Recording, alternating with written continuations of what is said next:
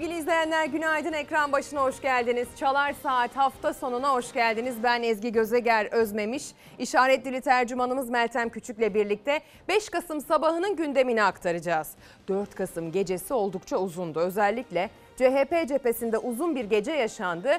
Gecenin sonunda karar değişimden yana oldu. Değişimden yana başlığını attık bu sabah sevgili izleyenler. Değişimden yana olanların sesine ses olmak için. Hani sadece CHP özelinde değil, ekonomiyle ilgili değişimden yana olabilirsiniz. Hükümetle ilgili değişimden yana olabilirsiniz. Kendi mesleki meseleleriniz, özlük haklarınızla ilgili değişimden yana olabilirsiniz. Dün itibariyle değişimden yana olanların ikinci turda aldığı e, seçim sonucuyla CHP Genel Başkanlığı koltuğunda artık Özgür Özel ismi oturacak dedi delegeler. Delegeler konusunda tartışmalar vardı. Delegeler konusunda tüzük kurultayını işaret eden Kılıçdaroğlu'nun bir takım vaatleri vardı. Ön seçim vaadi vardı, kadın kotası vaadi vardı, 3 dönem kuralı vaadi vardı ve sırtımda bir hançerle girdim seçime dedi e, Kemal Kılıçdaroğlu. Aslında bu hançer polemiği tabii ki dünkü kurultaya e, 38. olağan kurultaya CHP'nin damgasını vuran polemik oldu. İyi Parti'den de duruma cevap geldi. Bu hançer polemiğini üzerine alınan İyi Partili isimlerden konuya cevap vardı. Aynı zamanda CHP'li Özgür Özel de durumu es geçmedi ve dedi ki Kemal Kılıçdaroğlu'nun bu hançer sözleri dışarıda yüzlerce kamera ve mikrofona dönüştü. Ve ben de onlara şöyle söyledim. Bu cümleyi üzerime alınmıyorum. Hiç kimse adına, hiçbir CHP'li adına üzerimize alınmıyorum dedi. Çünkü bizde hançer kılıç yoktur dedi. Kimse kimseyi sırtından hançerlemez dedi. Zehir zemberek açıklamalar da vardı. Özellikle pazartesi günü aynı masa etrafında tekrar toplanacağımız arkadaşlarımız söz konusu. O yüzden kimse bana gemileri yaktıracak açıklamalar yaptıramaz sözleri de vardı. Dikkat çekici olan Özgür Özel'in. Pek çok detay var aslında aklımıza e, şu an belki gelmeyen ama haberlerimiz içerisinde bulabileceğimiz. Hadi gelin gazetelere bakarak başlayalım. 5 Kasım sabahının gazeteleri bugünün gündemi için neler söylemiş anlamaya çalışalım. Önce şöyle bir toplu bakalım Şehnaz abla. Bakın Pencere gazetesi dijital bir gazete olduğu için ilk sayfasına manşetine yetiştirmiş aslına bakarsanız CHP'nin 8. Genel Başkanı'nın Özgür Özel olduğunu. Sonrasındaki haberlere bakarsak tabii ki yüksek tansiyonlu kurultay şeklinde bilgi veren gazeteler var. Bir gün gazetesi genişçe bilgi veriyor ama manşetinde utandıran eşitsizlik demiş. Söz hükmünü yitirdi diyor evrensel manşetten Gazze'ye bakıyor. Gün boyu gazetesi zengine aslan payı fakire kemer sıkma diyor ve bir eylem aktarıyor ilk başta. Ve Hürriyet gazetesi ilk turda ipi özel göğüsledi şeklinde bir manşet atmış. Evet çünkü iki turluydu biliyorsunuz. İkinci tura kaldı çünkü salt çoğunluk gerekiyordu. İlk turda 680 küsura 600, 880 küsura 860 küsur şeklinde dağılımla bir oy dağılımı gerçekleşti. Dolayısıyla da ilk turda salt çoğunluk sağlanamadığı için arada sadece 20'ye yakın bir delege oyunun farkı olduğu için ikinci tura kaldı. İkinci tur oylamaları 12.15'te başladı. Saat 2 itibariyle ancak sonuçlar açıklanmaya başlamış oldu. Dolayısıyla Hürriyet gazetesi bugün ilk sayfasından ilk turun sonucunu açıkladı. Posta gazetesi Yine yaşam haberlerini gündeme taşıyor. Yeni Çağ gazetesi ekonomiden dem vuruyor. Sözcü gazetesi dün itibariyle manşetten görmemişti. Dilan Polat görmüştü. Bugün itibariyle manşetten CHP görüyor. Karar gazetesi yine manşetten çok uzun zamandır yaptığı gibi Gazze'ye işaret ediyor. Kamu son haberde ekonomi demiş ve Gazze'ye genişçe yer vermiş. Hadi gelin neler yaşandı genel hatlarıyla bir anlayalım. Sayın Özgür Özel 812 oy. Sayın Kılıçdaroğlu 536 oy. Sabah saatlerinde başlayan kurultay gece saatlerine kadar sürdü. Adaylıktan çekilenler, yapılan sert açıklamalar ve ikinci turda tamamlanan adaylık yarışı. CHP'nin 38. kurultayında genel başkanlık koltuğundaki isim değişti. Özgür Özel CHP'nin yeni genel başkanı oldu. Sırtıma, omzuma yüklemiş olduğunuz sorumluluğun farkındayım.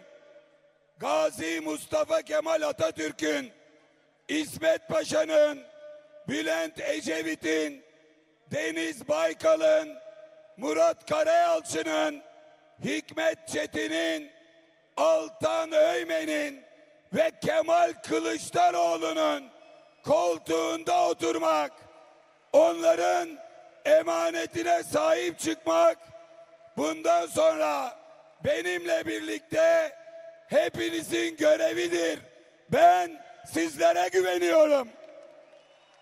Peş peşe yapılan sert açıklamalarla ısındı önce kurultayın gerçekleştiği salon. Bay Kemal'in yol arkadaşı olmak için vefalı olacaksın vefalı. Bay Kemal'in yol arkadaşı olacaksan Bay Kemal'i arkadan hançerlemeyeceksin. Bay Kemal'in yol arkadaşı olmak zordur. Vefa Genel Başkanımız 13. katta otururken, Genel Başkanımız parti meclisi listesi yapacakken, Vefa Genel Başkanımız belediyelerde karar verecekken gösterilmez. Eğer bir vefa olacaksa Genel Başkanımız görevini bıraktıktan sonra gösterilir. Salonda sert açıklamaların rüzgarı eserken genel başkanlığa aday İlhan Cihaner ve Örsen Öymen yarıştan çekildiklerini açıkladı.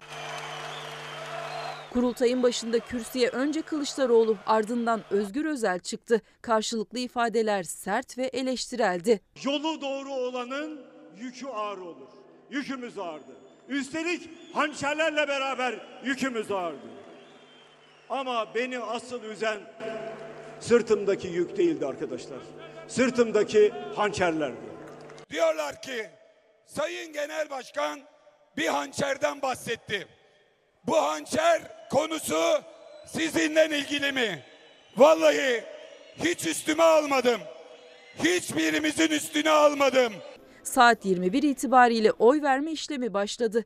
Delegeler ayrı bir salonda 23 sandıkta oy kullanırken kurultayda bir daha konuşma yapmayacağını ifade eden Kılıçdaroğlu, Özel'in eleştirilerine yanıt vermek için yeniden kürsüdeydi. Biz Cumhuriyet Halk Partisi olarak tüm siyaset anlayışımızla değişmeliyiz.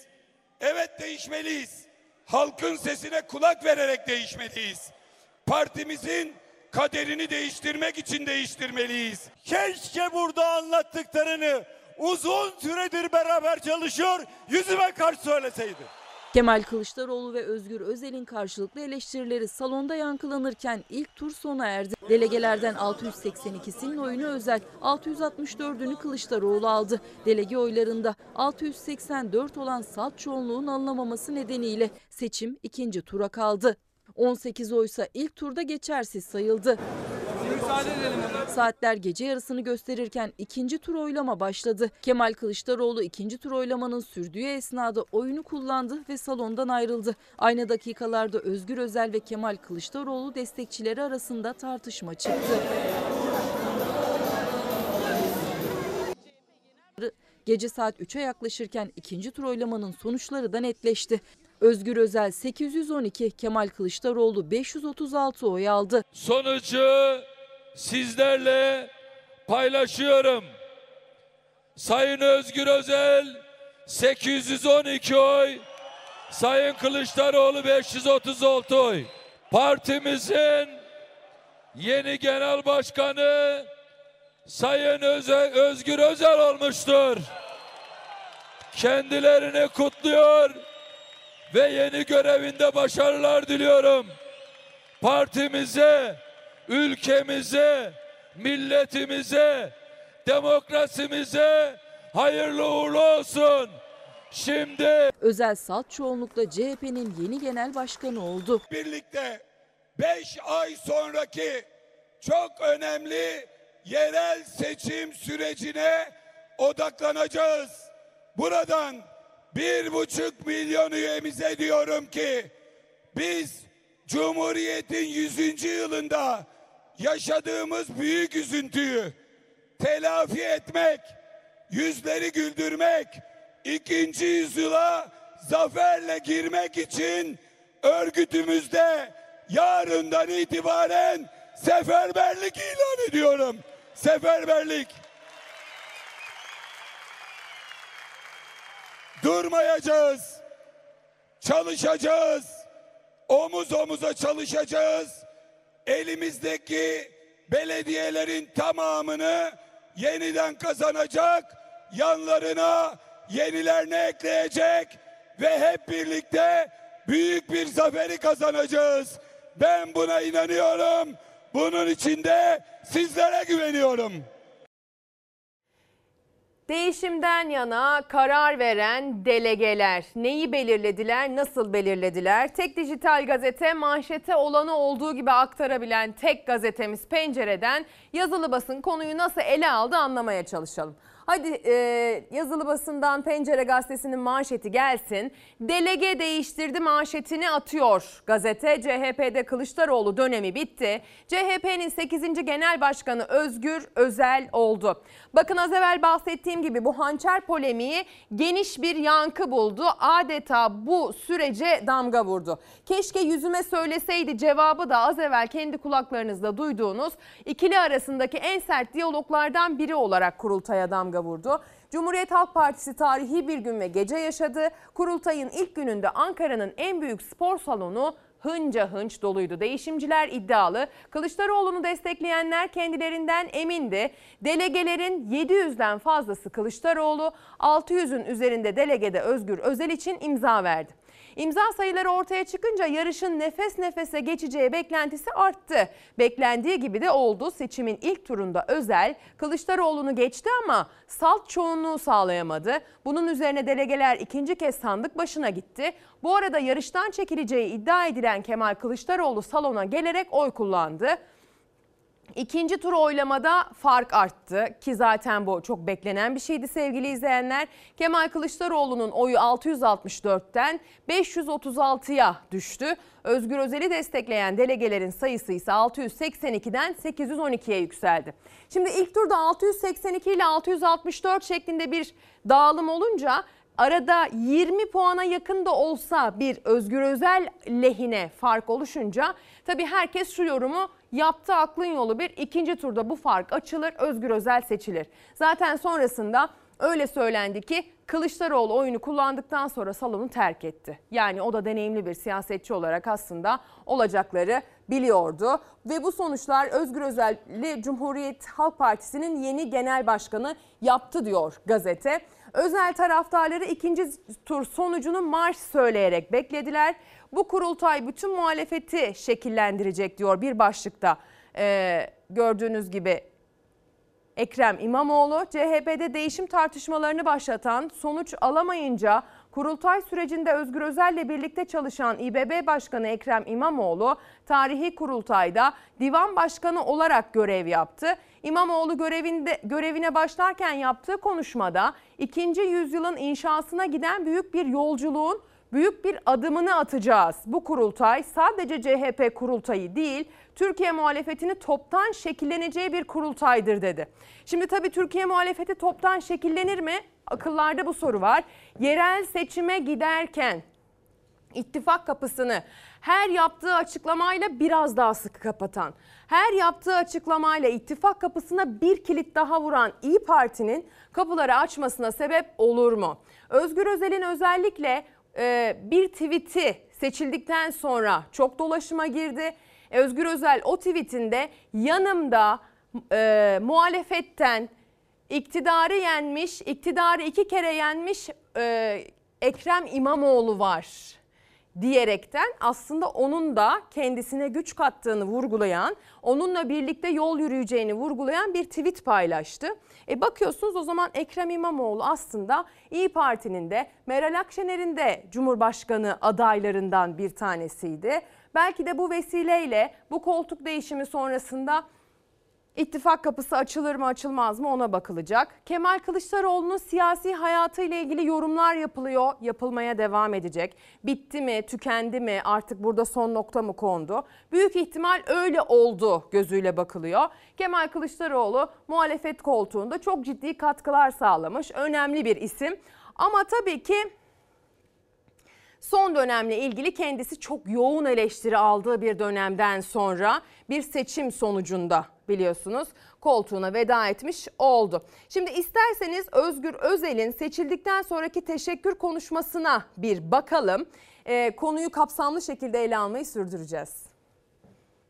Hayatımın en büyük gururunu en büyük onurunu yaşıyorum. Bunu Cumhuriyet Halk Partisi'nin 100. yılında ve Cumhuriyet Halk Partisi'nin hatta Türkiye'nin 100. yılda kurulan ilk sandığında ikinci yüzyıla yön verecek partimizin kurultayında oy birliğiyle ve hepimizin yürekten desteklediği şekilde şahsınıza verilen bu onurlu görevi layıkıyla yerine getirdiğiniz için tüm Cumhuriyet Halk Partililer adına size teşekkür ediyorum. Bugün ilk tur sonuçlandıktan sonra o daha önce pek az deneyimlenen ve iki oy farkla ikinci tura kalan seçim sırasında ben oraya geleyim Özgür Başkanımızın elini kaldırayım niyetini ifade eden hepimizi duygulandıran şimdi bizimle birlikte gönlü bizimle birlikte olan bundan sonra başlattığı adalet yürüyüşüne hep beraber devam edeceğimiz Sayın Genel Başkanımıza teşekkür ediyorum. Sayın Kemal Kılıçdaroğlu'na sırtıma omzuma yüklemiş olduğunuz sorumluluğun farkındayım. Gazi Mustafa Kemal Atatürk'ün, İsmet Paşa'nın, Bülent Ecevit'in, Deniz Baykal'ın, Murat Karayalçı'nın, Hikmet Çetin'in, Altan Öymen'in ve Kemal Kılıçdaroğlu'nun koltuğunda oturmak, onların emanetine sahip çıkmak bundan sonra benimle birlikte hepinizin görevidir. Ben sizlere güveniyorum. Bir teşekkürü kolay kolay siyaset sahnesinde görülmeyen ama bu süreçte bütün geçmişteki pratiklerinin aksine yanımda olan, beni yetiştiren anneme, babama, kardeşime, sevgili eşim Didem'e, biricik kızım İpek'e ve özel Okay ve Menemenlioğlu ailelerine yürekten teşekkür ediyorum. Bundan sonra hep beraber büyük zaferler yaşayacağız. Bugün burada zafer Cumhuriyet Halk Partisi'nden bir adayın değildir. Bir ekibin değildir. Bir yarışmanın sonunda kazanılan bir zafer değildir. Bugünkü zaferin galibi bütün Cumhuriyet Halk Partililerdir. Biz bütün Türkiye'ye ve dünyaya parti içi demokrasiyi, çoklu yarışı, Cumhuriyet Halk Partisi'nde genel başkanın demokratik seçimlerle değişebileceğini hep birlikte gösterdik. Şimdi CHP'deki değişim sadece kendi içimizdeki bir merhaleyi kat etmektir. Şimdi önceki genel başkanlarımızla Sayın Kemal Kılıçdaroğlu'yla ve bu partiye emek veren herkesle birlikte el ele omuz omuza yerel seçim zaferi için yola çıkıyoruz. Yolumuz açık olsun, yolunuz açık olsun.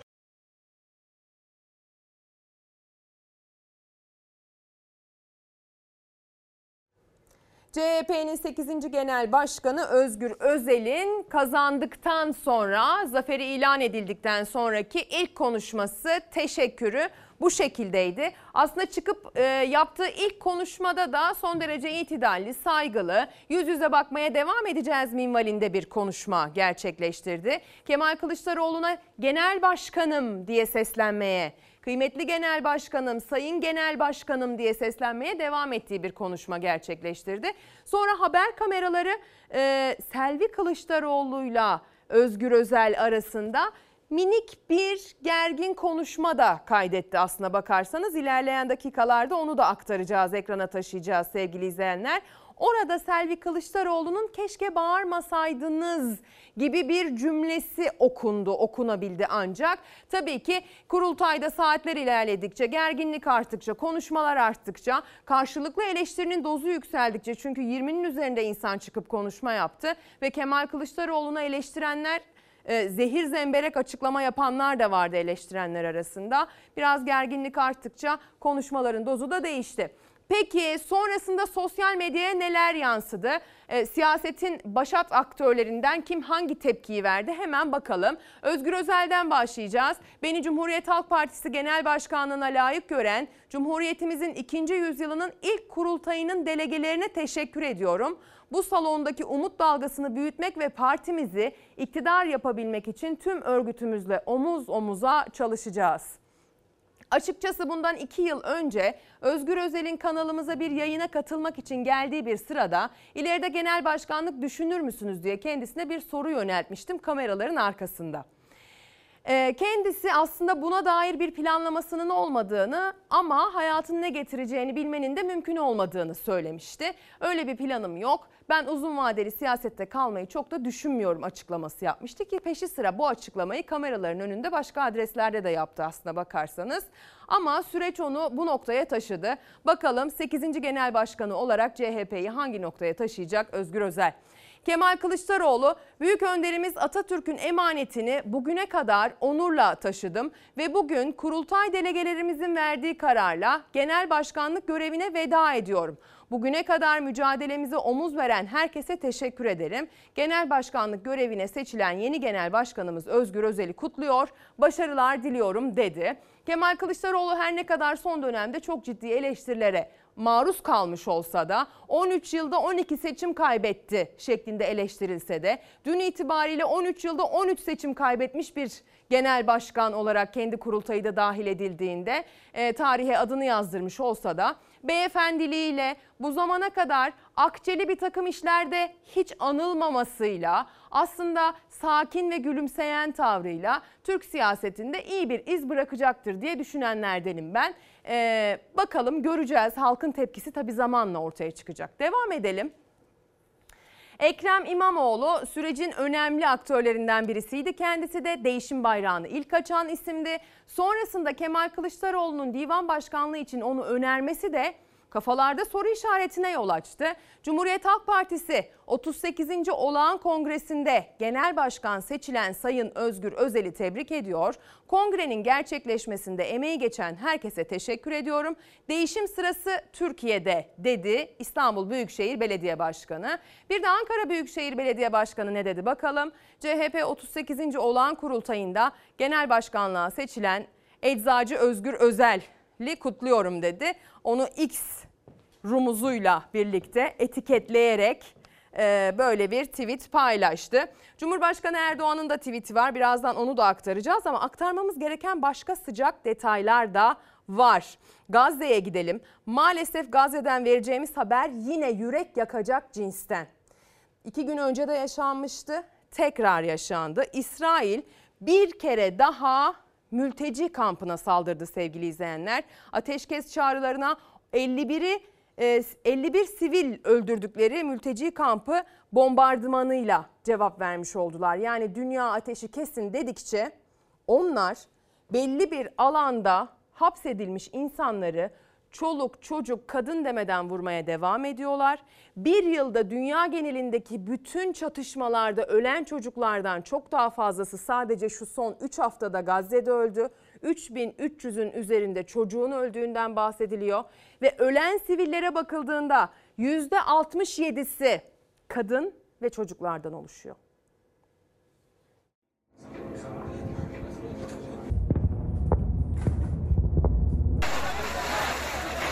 Dünya sivillerin korunmasına çağrı yaparken Amerika Birleşik Devletleri'nden ateşkese dair tek bir kelime gelmiyor. İsrail savaş suçlarına her gün bir yenisini ekliyor. Gazze şeridinde mülteci kampı bombaladılar. Aralarında çok sayıda çocuğun olduğu 51 kişi öldü.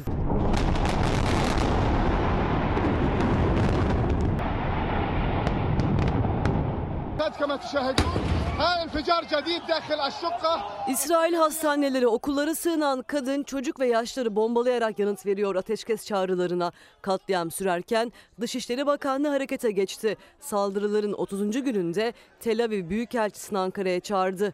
Ağzından ateşkese, barışa, savaşın bitmesine yönelik tek kelime çıkmayan Amerika Birleşik Devletleri Dışişleri Bakanı Antony Blinken hafta başında Türkiye'ye gelecek. Netanyahu hiçbir şekilde bizim için muhatap alınabilir biri değil artık. Onu sildik attık. Ama bunun dışında bağları tamamen koparmak, hele hele uluslararası diplomaside öyle bir şey olmaz.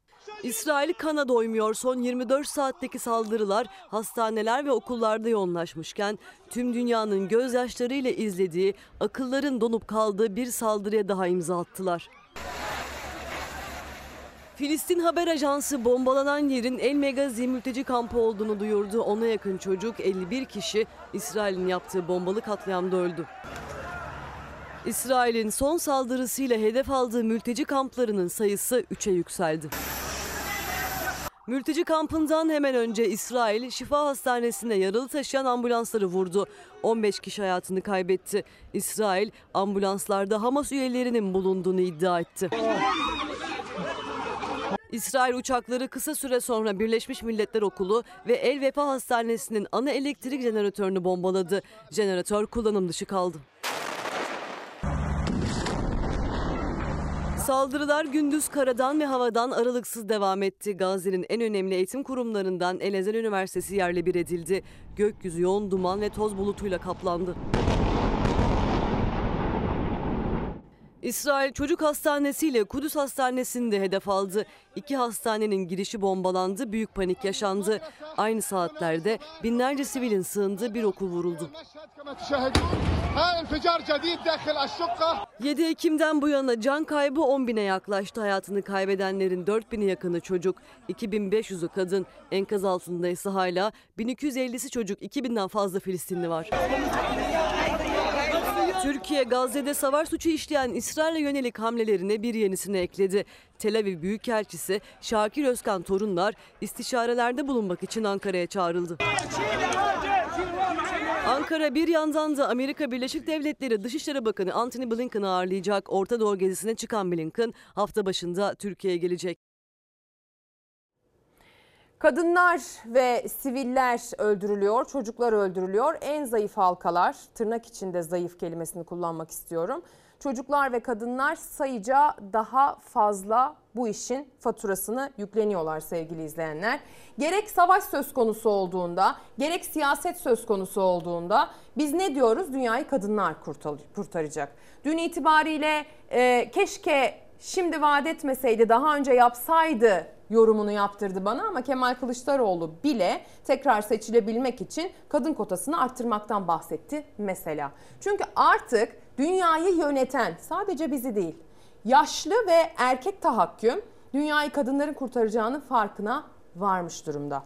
Biz ülkemizde kadınların hayatta kalması üzerinden kadın haklarını tartışmak durumundayız. Henüz o seviyedeyiz.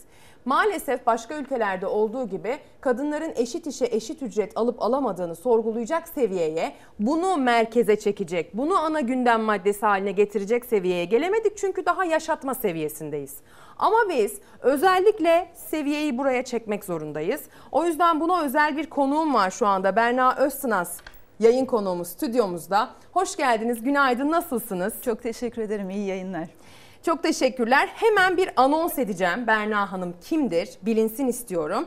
Ee, Berna Özsınas e, Peryön Danışma Kurulu üyesi. Evet. E, Peryön çok uzun yıllardır ülkemizde personel yönetimiyle ilgili e, uluslararası geçerliliğe sahip bir birleşimdir, dernektir. Ülkemizdeki özellikle yöneticilerin bu anlamda birleştiği bir çatıdır. Ve e, ülkemizi temsilen European Association for People Management EAPM yönetim kurulu başkanlığına seçildi. 34 yıl sonra bu kurulun, bu kurumun başkanlığına bir kadın, bir Türk kadın seçildi. Biraz ekran başına yaklaşın lütfen çünkü kendisi bize hikayesini anlatacak. Çok teşekkür ederim, çok sağ olun. Öncelikle evet, e, Peryon İnsan Kaynakları e, İnsan Yönetimi Derneği'nden bahsedelim. E, 50 yılını kutlamış bir dernek, zamanında vizyoner bir avuç insan kaynakları yöneticisi ki o zaman personelmiş adı tarafından kurulmuş ve çok akıllıca e, European Association'a yani Avrupa İnsan Yönetimi Dernekleri Birliği'ne ta 70'lerde üye olmuş. E, Avrupa Derneği, Avrupa Federasyonu nasıl bir şey derseniz 35 geniş Avrupa içerisindeki ülkenin e, o ülkeyi temsil eden insan yönetimi derneklerinin üye olduğu bir çatı organizasyon. Son derece etkili ve büyük bir organizasyon aslına bakarsanız. Ve evet e, ben önümüzdeki Ocak itibariyle seçilmiş ilk kadın başkan e, görevini alıyorum. E, tabii ki bir Türk tarafından bu koltuğa e, oturulması da ayrı bir keyif Gurur. ve mutluluk. Bizi de çok gururlandırdı gerçekten. Teşekkür Şimdi ederim. az evvel de söylediğim gibi biz ülkemizde kadın haklarından bahsedeceksek eğer maalesef önce şu noktadan bahsediyoruz. Kız çocukları evlendirilmesin. Kız çocuklarıyla erkek çocuklarının okullaşma oranı en azından artık birbirine eşit olsun ki bu fırsat eşitsizliği söz konusuysa aslında kızların e, daha da ileri seviyede okula gidiyor olması lazım ki arayı kapatma süremiz Doğru. azalsın. Doğru. E, e, sonrasında fırsat eşitliği sağlansın. İşe alımlarda fırsat eşitliği sağlansın. Hani karşımıza şöyle insanlar çıkmasın. Ay ben erkek doktora gitmeyi tercih ediyorumlar. Çok rica ediyorum artık bu mesele bir kenara bırakılsın. Erkeğin daha güvenilir olduğuna dair tahakküm artık ortadan kalksın. İnsanlar güvenilirdir. Bunu insanların cinsiyeti belirlemez seviyesine gelelim. Erkekler güvenilmezdir gibi bir noktadan sakın yanlış anlaşılmasın. Tabii ki birbirinden kıymetli insanlarımız var. Kadın erkek hiç fark etmeksizin. E sonrasında bu kadınlar e, evleniyorlar, bir hayat kuruyorlar ya da belki de evlenmeden öldürülmesin, şiddete uğramasın. Şiddete mi uğradılar? E yargıda adalete kavuşabilsin. Adalete kavuştu mu, kavuşamadı mı? Öldü mü, yaşadı mı, yaralı mı kaldı? E devlet onu korumaya devam etsin. E bu koruma koşulları insani koşullarda olsun, yurt dışı yani uluslararası standartlarda olsun seviyesinde tartışmaktan biz iş yaşantısındaki kadının meselesine gelemiyoruz. İş yaşantısındaki kadının en büyük meselesi nedir? Şimdi aslında bunların hepsi birbiriyle ilgili. Hiçbiri tek başına bir uydu olarak dolaşmıyor. Söylediğiniz her şey iş hayatını da etkiliyor. İş hayatında kadına bakışı da etkiliyor. Şimdi Türkiye'nin en önemli konularından bir tanesi nedir? Genç iş gücü. Genç iş gücü içerisindeki kadına odaklandığınız zaman da çok benzer bir sorun görürsünüz. Türkiye'de %15 civarında bir genç nüfusumuz var. Yaşı 15 ile 24 arasında değişen. Avrupa'nın en genç nüfusu. Ben şu anda oturduğum koltuktan bunu çok net, görebiliyorum. En yakını İrlanda mesela bize. Ama bu genç nüfusun %24'ü ne okulda ne işte. E, maalesef bununla alakalı istatistik bilgi veremiyorum ne kadarı kadın bu genç nüfusun ama e, işte tahmin edersiniz ki yarı yarıya baksak 1,5-2 milyon genç genç kadından bahsediyoruz aslına bakarsanız. zaten en büyük Elbette. biri. Dolayısıyla hani buradan baktığınızda da başka bir derde bakıyoruz. E bir yandan da göç dalgasıyla Türkiye'nin demografisinin değiştiğini görürseniz elbette ki önümüzde uzun bir yol var ama ben umutsuz değilim. Umutsuz değilim. E, Türkiye Cumhuriyeti'nde yaşıyoruz. Ben bir cumhuriyet kadınıyım, siz bir cumhuriyet kadınısınız. Bu cumhuriyetin üzerinde durduğu değerler için, bunları yaşamak ve yansıtmak için borcumuz var. Dolayısıyla hepimiz yaptığımız işi en iyi şekilde yapacağız. Hepimiz işte Peryon olur, başka e, bir sivil toplum kuruluşu olur, sivil inisiyatifler olur. Öyle bir çağda yaşıyoruz ki hiç kimse herkesten daha akıllı değil. Dolayısıyla ortak akıl önemli. Ortak akıla omuz verebileceğimiz, elimizde taşın altına koyabileceğimiz sivil inisiyatiflerin içinde olacağız. Herkes elinden gelenin en iyisini yapmaya çalışacak. Ben böyle bakıyorum. Buradaki çabam da hem Peryon'da hem EAPM'de bu yönde olabiliyor. Ben şunu e, söylemek istiyorum herkese. Olabiliyor. Çalıştığınız, uğraştığınız, kapıları çaldığınız zaman olabiliyor. Bunu duymaya herkesin çok ihtiyacı var. Bakın ekran başında genç yaşlı fark etmeksizin ev genci diye tabir ettiğimiz az evvel bahsettiğiniz o gençlerimizin anne babaları da olabilir. Bu son cümle çok önemli. Çalışınca olabiliyor. Doğru. Sivil, sivil inisiyatiflere katılımı önemsiyorsunuz. önemli, çok önemli. Çalışınca olabildiğini vurgulamak istiyorsunuz. Çok önemli. Ee, Bakın etrafınıza baktığınız zaman özellikle kadınlar için bu çok önemli. Etrafınıza baktığınızda başınızı kaldırdığınızda hayal ettiğiniz, imrendiğiniz rollerde size benzer insanların olduğunu gördüğünüz zaman bu size cesaret verir. Ben dolayısıyla umarım bu rol Türk kadınına da cesaret verir, birazcık ilham verir ama başarmak mümkün. Ben EAPM'ye ilk katıldığım zaman benden önceki arkadaşlarım da çok ciddi çabalar göstermişler. O zaman Türkiye'nin Avrupa'nın bir parçası olup olmadığı tartışılıyordu. Bundan 8 yıl önceyi konuşuyoruz. Şu anda geldiğimiz noktada Türkiye'nin hem bir Avrupa hem de bir Asya ülkesi oldu. Hem de çok kendine özel bir ülke oldu. Çok. Kabul görmüş durumda. Başarabiliriz.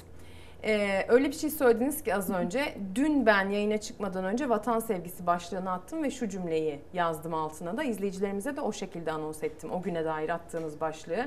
Vatanını en çok seven işini en iyi yapandır. Zaten vatanını en çok seven işini en iyi yaptığı zaman bugün yaşadığımız sorunların pek çoğu da yaşanmayacaktır. Çok doğru. Yani e, son derece aynı sayfadayız. Çok doğru. Şimdi şöyle çok merak ettiğim bir konu var. Telefonda da aslında Buyurun. ben size bahsettim. Şimdi bilmiyorum sizde nasıl sevgili izleyenler, nerede çalışıyorsunuz bilmiyorum ama pek çok kamu kurumunda dahi artık bir personel yönetimi, bir insan kaynakları departmanı var. İnsan kaynakları departmanınızda erkek çalışan var mı? Yazın gönderin. Ben şu soruyu soracağım Berna Hanım'a. İnsan kaynakları neden hep kadınların çalıştığı bir yer? Şimdi öncelikle doğru bir gözlem. Onu bir e, şey yapalım, e, teyit edelim. E, %70'e 30 bundan 3-4 yıl öncenin verileri.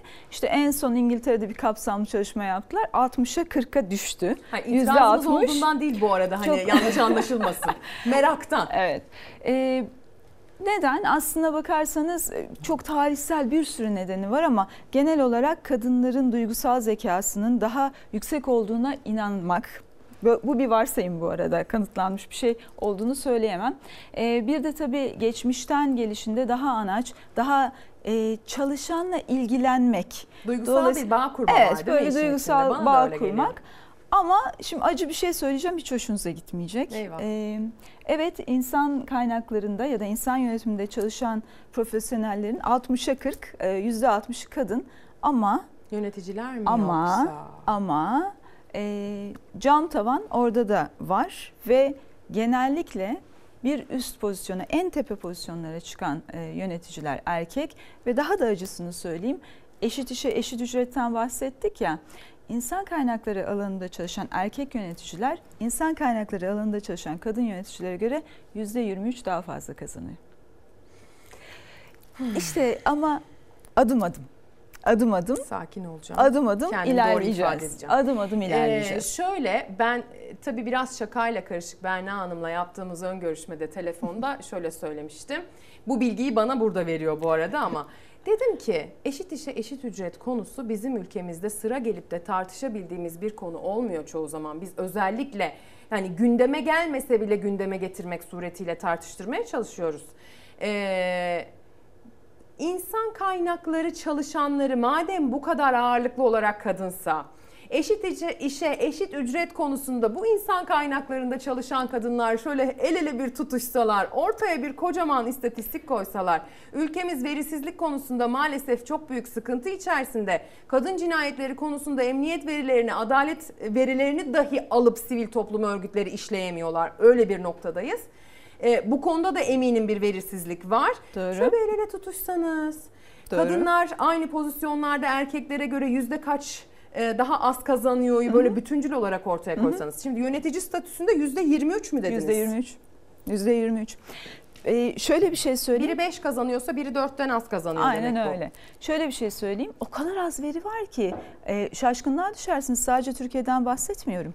Avrupa'da da veri çok az bu konuda. En iyi olan ülke neresi? İzlanda. Şimdi mesela işte bu E EAPM kapsamında en iyi uygulamaları birbirine açmaya çalışıyoruz. Bu 35 ülkenin en iyi yaptığı şeyler nedir? İzlanda e, eşit ücret, eşit işe eşit ücreti anlatıyor diğer Avrupa ülkelerine. Ha diyeceksiniz ki orası İzlanda hani muhtemelen pek çok açıdan bizden ileri.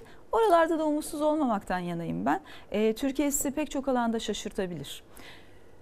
Ne kadar iyi geldiniz Berna Hanım bu sabah bize ya. Verdiğiniz umutla. Çalışırsanız oluyor dediniz gençlere, şu anda iş bulma konusunda sıkıntı yaşayanlara ve Türkiye'nin aslında Avrupa ülkelerine gelişmiş dediğimiz ne bileyim OECD falan olabilir. Evet. Ülkelere kıyasla aslında çok da şaşırtıcı üstünlüklere sahip olduğunu söylüyorsunuz bir kadın yönetici olarak. Çok genç bir nüfusumuz var. Yaşlanıyoruz filan bırakın onları. Hala çok genciz. En yakınımızla aramızda 2,5-3 puan fark var. Kalifiye iş gücümüz var. Ee, Beyin göçü evet biliyorum ama beyin göçüyle sadece biz savaşmıyoruz. Makedonya savaşıyor, Slovenya savaşıyor, Romanya savaşıyor. Hiçbiri tutamıyor ellerinde. Yavaş yavaş bir dengeye geleceğiz. Elbette ki üzerinde çalışıyor olmamız lazım. Kadınlar inanılmaz bir güç bu ülkede. Ee, bunun farkına varalım. Umutsuz olmayalım. Dolayısıyla üzerinden yürüyebileceğimiz çok şey var ama en büyük çaresizlik eylemsizliktir. Eylem. Hepimiz elimizden gelenin en iyisini yapacağız. Bir de o en iyi yaptığımız şeyin yanına bir şey daha koyacağız. Sivil toplum örgütü olur, bir Aynen. inisiyatif Evet. olur. Elimizi taşın altına koymadan Elimizi bu taşın iş altına olmayacak. koyacağız ki o taş pamuk olsun çok elle.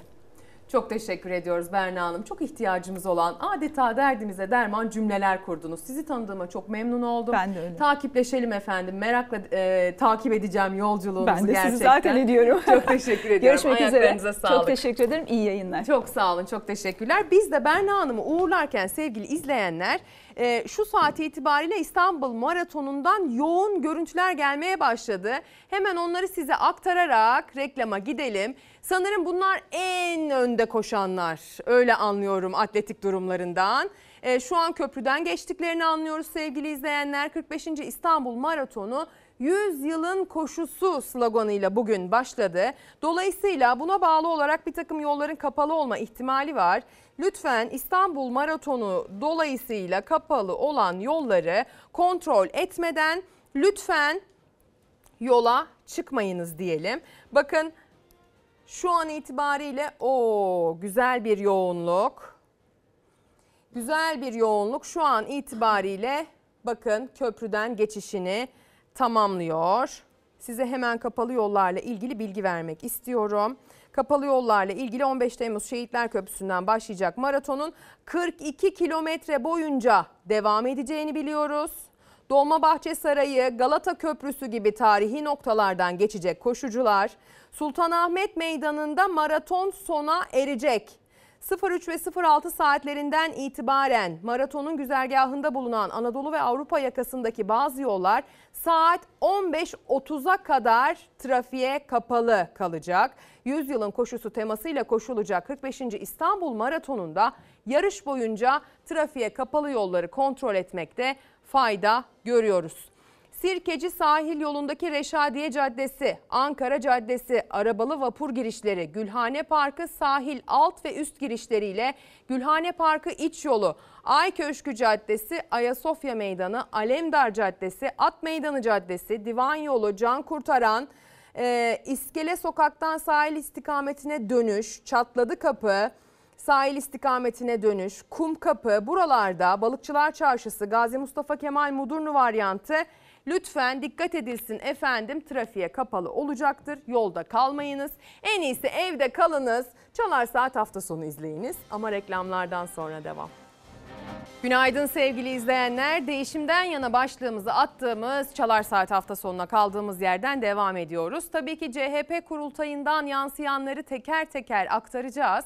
Dün gece ne yaşandıysa hem ilerleyen dakikalarda hem de ilerleyen bloklarımızda, bölümlerimizde teker teker hepsine hakim olacaksınız. Onu şimdiden söyleyelim. Değişimden yana başlığı attık çünkü değişimden yana olduğumuz pek çok farklı konu olduğunu biliyoruz aslına bakarsanız.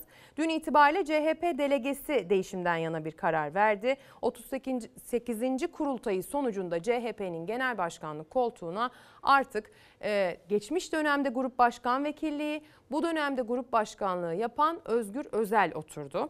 Özgür Özel'e dair mesajlarınız geliyor. Değişimden yana başlığının altına mesajlar geliyor. Nilgün pek çok bir mesaj göndermiş. Çok mutluyum. Demokrasiye inanmaya başladım. Hayırlısı mesajını göndermiş. Nabi Bey mesaj gönderiyor. E, günaydın mutlu sabahlar iyi yayınlar demiş. CHP değişimden yana oldu. Hayırlısı olsun diyor mesajında.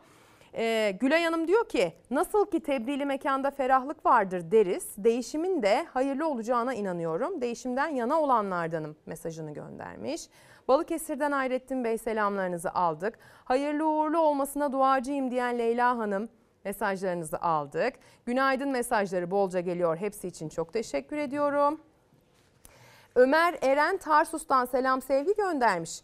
Değişim doğruyu buldurur, yanlışı gösterir. Çok şükür bir değişim gördük. Bu ülkede değişim olabiliyormuş. Demek ki değişebiliyormuş. Değişimden yana başlığıyla göndermiş. Değişimden yana hayırlı olsun diyelim ama olmadı olmamalıydı. Üzüldüm gerçekten diyor. Bakın herkes aynı fikirde değil. Sevgi Kaytanlar gönderiyor mesajı. Ee, başarılı oldu ya da olmadı iyi insandı. Siyaset böyle bir şey demek ki. En azından Kemal Bey'in duruşu, efendiliği akıllarda daima kalacaktır. Ee, maaşlara gelince bizlere verdikleri değer bu kadar işte. Yüzde 40. Emeklimiz, dul ve yetimlerimiz ne haldeler? Haberleri yok herhalde. İyi yayınlar canım benim demiş gönderdiği mesajda. Şimdi gecenin sıcak haberleriyle başlayacağız. Çanakkale'ye gitmemiz lazım öncesinde çünkü dün itibariyle Çanakkale'de çıkan yangınlar Lodos'un etkisiyle büyüdü onu göstereceğiz. Sonrasında bugün Lodos ne oldu ona bakacağız. Sonrasında ise CHP'deki yarışa göz atacağız. CHP'deki yarış kıran kırana. Nefes nefese başa baş bir yarıştı. Dolayısıyla gecenin saat ikisine kadar hepimizi ayakta tuttu. Ama önce Çanakkale. Çanakkale'de yangınlar Lodos'un etkisiyle büyüdükçe büyüdü. Lodos konusunda Çanakkale gözlerin çevrildiği bir noktaydı. Saatteki hızının 100 kilometreye kadar çıkması bekleniyordu. Beklendiği gibi oldu. Ve sonrasında peşi sıra gelen yağmur hem yüreklere su serpti hem de yangın konusunda büyük bir mücadele içinde olanların imdadına yetişti.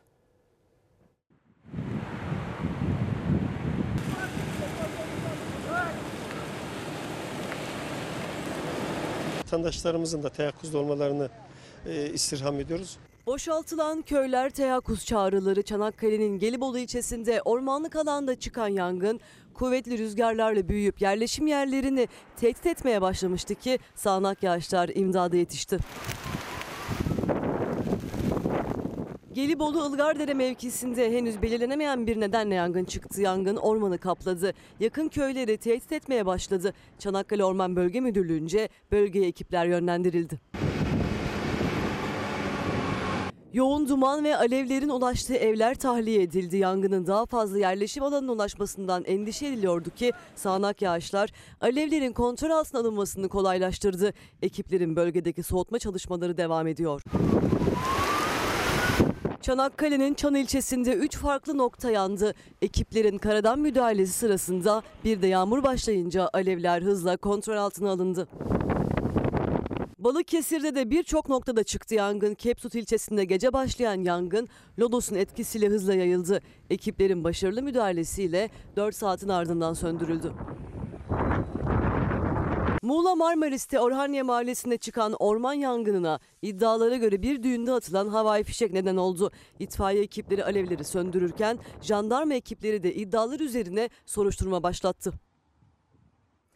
Şimdi isterseniz biraz havadan bahsedelim çünkü bugün itibariyle hem Lodos'un durumundan bahsetmemiz gerekiyor sevgili izleyenler hem de yağmur ihtimalinden bahsetmemiz gerekiyor. Bugün itibariyle şu dakika itibariyle Marmara bölgesinde Trakya'da ağırlıklı olarak Lodos'un etkisi devam ediyor. Ancak ve ancak İstanbul'da şu saatleri itibariyle orta seviyeye geldi Lodos. Bakın şu an ağaçların hafif hafif sallandığını, e, nazlı nazlı dalgalanan bayrağımızı bir ölçü olarak kabul edebilirsiniz. Zeytinburnu sahilde naklen aktardığımız görüntülerde İstanbul'daki Lodos'un durumunu. Denizin dalgası da fikir verir. Şu saat itibariyle saatteki hızı yaklaşık 40 kilometre seviyesinde. Dün fırtınadan söz ediyorduk. Dün akşam itibariyle şu an itibariyle kuvvetli bir rüzgardan söz ediyoruz. Ege kıyıları ee, yine nispeten hafifledi rüzgar, kuvvetli rüzgar seviyesine ve altına düştü. Trakya'da, İstanbul'da bu rüzgarın seviyesi böyle devam edecek. Akşama doğru bir miktar kuvvetini arttırabilir ama dün akşamki kadar olmasını beklemiyoruz. Hadi gelin o zaman bir de haritamızın başına geçelim. Bugün itibariyle havanın nasıl olacağından bahsedelim. Bakın İstanbul'da hafif yağmur ihtimali gözümüze çarpıyor. Ege kıyılarında hafif yağmur ihtimali gözümüze çarpıyor. Akdeniz'in batısında Antalya, Isparta, Burdur çevrelerinde Denizli civarında yağmur var. İzmir'de yağmurun düne kıyasla ihtimalinin daha düşük olduğunu söyleyebiliriz. Benzer şekilde İstanbul'da da bu ihtimal bugün itibariyle daha düşük. Çanakkale çevrelerinde Balıkesir civarında Kuzey Ege kıyılarında Ege'ye kıyısı olan noktalarda ve Trakya'da rüzgara lütfen dikkat ediniz. Pazartesiye bakalım. Pazartesi itibariyle aslında yağışlı hava ihtimalinin nispeten azaldığını ve biraz da Batı Karadeniz'e doğru kaydığını görüyoruz. Batı Karadeniz'de kuvvetli sağanak yağış yer yer görülebilir. Çanakkale'de ve Ege kıyılarında hafif yağış ihtimali var. Günün ilerleyen saatlerinde Doğu Karadeniz'de de yağışın etkili olacağından söz ediyoruz. Bugün itibariyle Ege kıyılarında ve aynı zamanda Marmara'nın doğusunda kuvvetli yağış ihtimaline karşı lütfen dikkatli olunuz. Hafif bir dolu ihtimali de var. Ama bu hani arabaların üstünü örtün, aman kaçın, saklanın şeklinde bir risk boyutunda değil ama var. Kimi etkiler? En çok çiftçiyi, tarladaki mahsulü, ağacı, fideyi, fidanı etkiler. Şimdiden onun da bilgisini vermiş olalım. Bu İstanbul için yağış ihtimalinin de özellikle günün devamında etkisini yitireceğinin altını çizelim. Şimdi CHP konusuna gelmek gerekirse dün itibariyle yarış nasıl başladı? Değişim tartışmasında sarf edilen ilk sözler nelerdi? Onları duyacağız sıradaki haberde. Değişim tartışmalarının gölgesinde toplanan CHP kurultayında Kılıçdaroğlu ile Özgür Özel adaylık yarışında uzun bir aradan sonra ilk kez yan yanaydı. Ama kurultay salonu ikiye ayrıldı. Değişim isteyen Özel destekçileri bir tarafta, yenilenme diyen Kılıçdaroğlu destekçileri diğer taraftaydı. İki güçlü isim öne çıkıyor. O iki güçlü isim içinde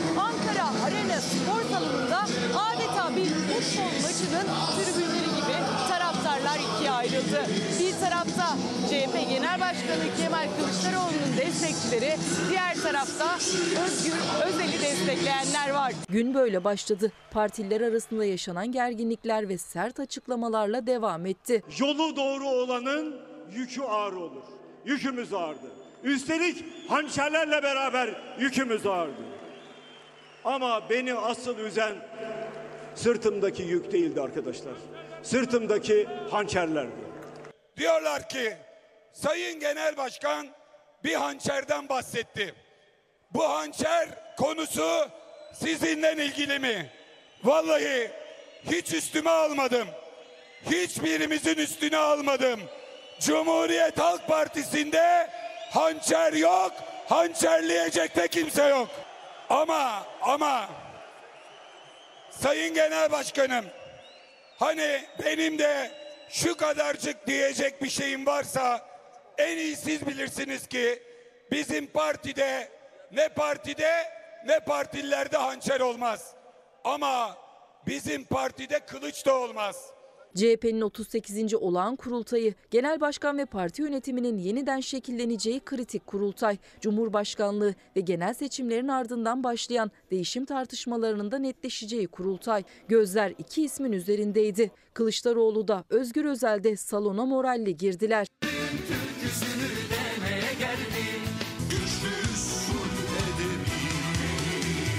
Kılıçdaroğlu eşi Selvi Kılıçdaroğlu ile geldi. Kurultaya ilk gelen isimse Özgür Özel'di. O da eşi ve kızıyla salondaydı. Kurultayın en güçlü adaylarından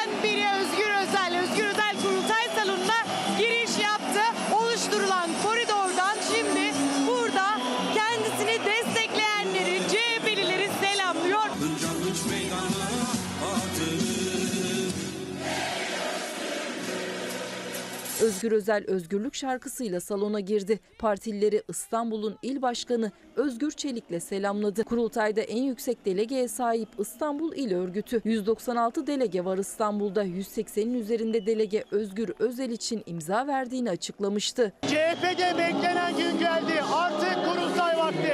CHP lideri Kılıçdaroğlu da partililerin yoğun ilgisi altında kurultay salonunda.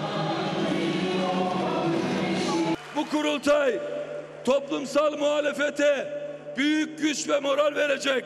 Kılıçdaroğlu ile Özel arasındaki ilk sıcak temas aralarında bir diyalog kaydetmedi kameralar ama salonda yan yana oturdular. Açılış konuşmasını Kılıçdaroğlu yaptı. İstanbul Büyükşehir Belediye Başkanı Ekrem İmamoğlu Kılıçdaroğlu'nun talebiyle divan başkanlığına seçildi. Bu kurultay tarihi bir kurultaydır. Türkiye muhalefetinin toptan şekilleneceği bir kurultaydır. Partide değişim rüzgarı İmamoğlu'nun çıkışıyla başladı. Halkın sesine kulak verelim çağrısı dikkat çekti. Salondaysa zaman zaman gerginlikler de yaşandı. Kurultayın en dikkat çeken görüntüsü ise ilk kez bir CHP kurultayında adayları destekleyen partililerin ikiye bölünmesiydi. Tribünlerden karşılıklı sloganlar ve pankartlarla verildi mesajlar. Tutuklanan gazeteci Tolga Şardan ve diğer tutuklu gazeteciler için basın mensupları da Kılıçdaroğlu da yakasına gazetecilere özgürlük kartıyla salondaydı. Türkiye fiilen yarı açık cezaevine döndürülmüş durumdadır. Gazeteciler şu anda tutuklu olan Tolga Şardan'a, Can Atalay'a, Osman Kavala'ya, Selahattin Demirtaş'a ve Barış Pehlivan'a selam gönderiyoruz. Selam olsun size demokrasi kahramanları. Kılıçdaroğlu'nun açılış konuşmasıyla başladı kurultay. Söz isteyen 50 delegeye de beşer dakika söz verildi. Sayın Genel Başkan, partinin bütün imkanlarını kullandınız ama sonunda kaybettiniz. Ayrılmanız gerekiyordu. Bu yenilemenin ancak ve ancak Kemal Kılıçdaroğlu ile gerçekleşeceğine inanıyoruz. Konuşmacıların kimi Kılıçdaroğlu'na destek verdi, kimi değişim istedi. İkisinden ayrı parti yönetimini eleştirenler de vardı. Süreye uymayan Abdullah Şahin ise mikrofonu kapatılınca tepki gösterdi. Adana İl Başkanımız Anıl Kamburoğlu var. Oldukça yoğun bir katılım, konuşmacı katılımı vardı. Bazıları zehir zemberek açıklamalar yaptı sevgili izleyenler. Tepki görenler de oldu. Ee, şimdi mesajlarınıza şöyle bir bakıyorum. Dün çok fazla mesaj okuyamadık. Biliyorsunuz İlker Karagöz ve Fox ekibi kurultayda Ankara'daydılar. Dolayısıyla onlara da zaman ayırma zorunluluğundan biraz o noktada özür borçluyuz size. Bugün gönül alacağız. CHP değişimden yana dedi. Ekonomide, sosyal yaşamda neler değişecek? Söylenilen vaatler icraata dönüşecek mi bekleyip göreceğiz. Emekliler enflasyon zammının üzerine maaşlarına zam bekliyor diyor. Emekli refah payı istiyor. Birazdan onun haberini aktaracağız ama Nabi Bey siz vaat demişken biz size Özgür Özel'in vaat ettiklerini anlatalım. Seçilecek genel başkanı sınırlayabilen, denetleyebilen, yönlendirebilen, açık, şeffaf, katılımcı karar kanalları ile partimizi yöneteceğiz. Seçmenin ve üyenin gündemini delegelere, delegelerin eğilimini parti meclisine, parti meclisinin kararlarını MYK'ya taşıyan yepyeni bir katılım mekanizmasından bahsedeceğim. Halka kendimizi dayatarak, halka rağmen değil, üyenin, delegenin halkla temasından aldıklarını genel merkeze taşıdığı bir katılımcılıktan bahsediyorum. Bu delegeler sadece iki gün görevlerini yapıp gidemezler. Hatta delegeleri böyle seçimli kurultaylarda delegelerin bilgisinden, donanımından, yönlendirmesinden yararlanamıyoruz. Her biri bizim kadar aydın, bizim kadar çalışkan, bizim kadar bilgili, kendi bölgesini hepimizden iyi bilen delegelerin mutlaka ve mutlaka karar alma süreçlerine katkı yapması son derece önemlidir. Biz 6 ayda bir söz veriyorum. Çekin, çekin ve saklayın sayın basın. 6 ayda bir bu delegeyi Ankara'ya getirip davet edip onlarla 3 gün 4 gün ülkenin temel meselelerini konuşacağımız, politikalarını tartışacağımız, gerekirse gruplara ayrılacağımız, sonra mütabakata varacağımız bu ülkeye, bu ülkeyi bu parti yönetir dedirteceğimiz bir katılımcılığın sözünü ve müjdesini veriyorum. Ben mitinglere karşıyım. Miting yapmak karşı tarafı konsolide eder. Miting yapmak karşı tarafı AK Parti'nin arkasında konsolide eder. Şimdi bu mitingin ne için yapıldığı, ne amaçla yapıldığı, nerede yapıldığı ve derdin nasıl anlatıldığı önemli. Memlekette her akşam her akşam zam furyası esecek. Memlekette bir ayılda yüzde 200-300 her şeye zam gelecek. Her şey ateş piyası olacak. Sen çıkacaksın zamlara, hayat pahalılığına karşı 2 milyon kişi miting yapacaksın. Bakalım AK Partili, MHP'li ev hanımı onun arkasında mı konsolide oluyor, senin arkanda mı konsolide oluyor?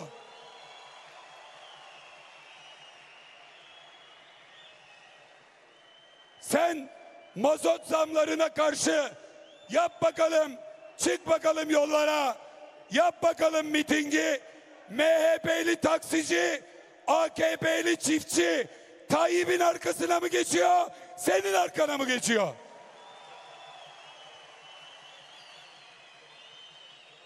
Sokaktan korkmayan, meydandan korkmayan toplumun tepkilerinin örgütlenmesine katkı sağlayan barışçıl yollarla yapılacak her protestonun teminatı olan bir Cumhuriyet Halk Partisi'nin onun da önünde yürüyecek bir genel başkanın sözünü veriyorum kurultaya. Sözünü veriyorum. Verilen sözler ve vaat edilenler önemli. Özgür Özel de bu vaatlerini sıralarken alsın basın kaydetsin sonra da hesabını sorsun dedi. Biz vesilesi oluruz sorulacak hesabın. Asıl hesabı soracak olan sizlersiniz. O yüzden aslında sizin akılda tutmanız gereken vaatlerdir bunlar diye düşünüyorum. X hesabı üzerinden değişimden yana başlığına gönderilen mesajlar. Gürhan Çoban diyor ki beğenilmeyen çok eleştirilen CHP'de 4 genel başkan adayı çıkabiliyor. Diğer partilerde ikinci adaylığa cesaret edebilen dahi çıkmıyor, çıkamıyor demiş. Savaş Bey gönderdiği mesajda iyi insan olmakla parti yönetilmiyor. Değişim şarttı, öyle de oldu. Değişimden yana diyor gönderdiği mesajda. Ercan Karyağar, günaydın Ezgi Hanım böyle mi olmalıydı çok hırsın sonu? Böyle hüsranla bitiyor. Değişmeyen tek şey değişimdir, değişimden yana diyor. Değişimden yana inşallah CHP eski tas eski tam hamam olmaz. Ee, Türkiye'de Türkiye'de de güzel değişimler bekliyoruz. İyi yayınlar demiş Suat Bey gönderdiği mesajda. Bir diğer konu başlığımıza geçiş yapacağım sevgili izleyenler. Gazetelerde de bugün pek çok gazetenin ilk sayfasında hatta manşetinde yer almış. Dilan Polat Polat ailesi ve çevresindekilerinin sorgusu nasıl sonuçlandı? Onlar tutuklanma talebiyle biliyorsunuz mahkemeye sevk edildiler. Bugün itibariyle Posta Gazetesi bakın manşetten konuya ne demiş? Görgüsüzlüğü biz görgüsüzlüğün bizi bu hale getirdi. Üç günlük gözaltından sonra dün savcılığa çıkarılan Dilan Polat'la kız kardeşi Sıla Doğu adliyede birbirlerine girdi. Sıla Doğu ablasının üzerine yürüyüp senin görgüsüz ve aşırı hareketlerinden dolayı buradayız diye bağırdı.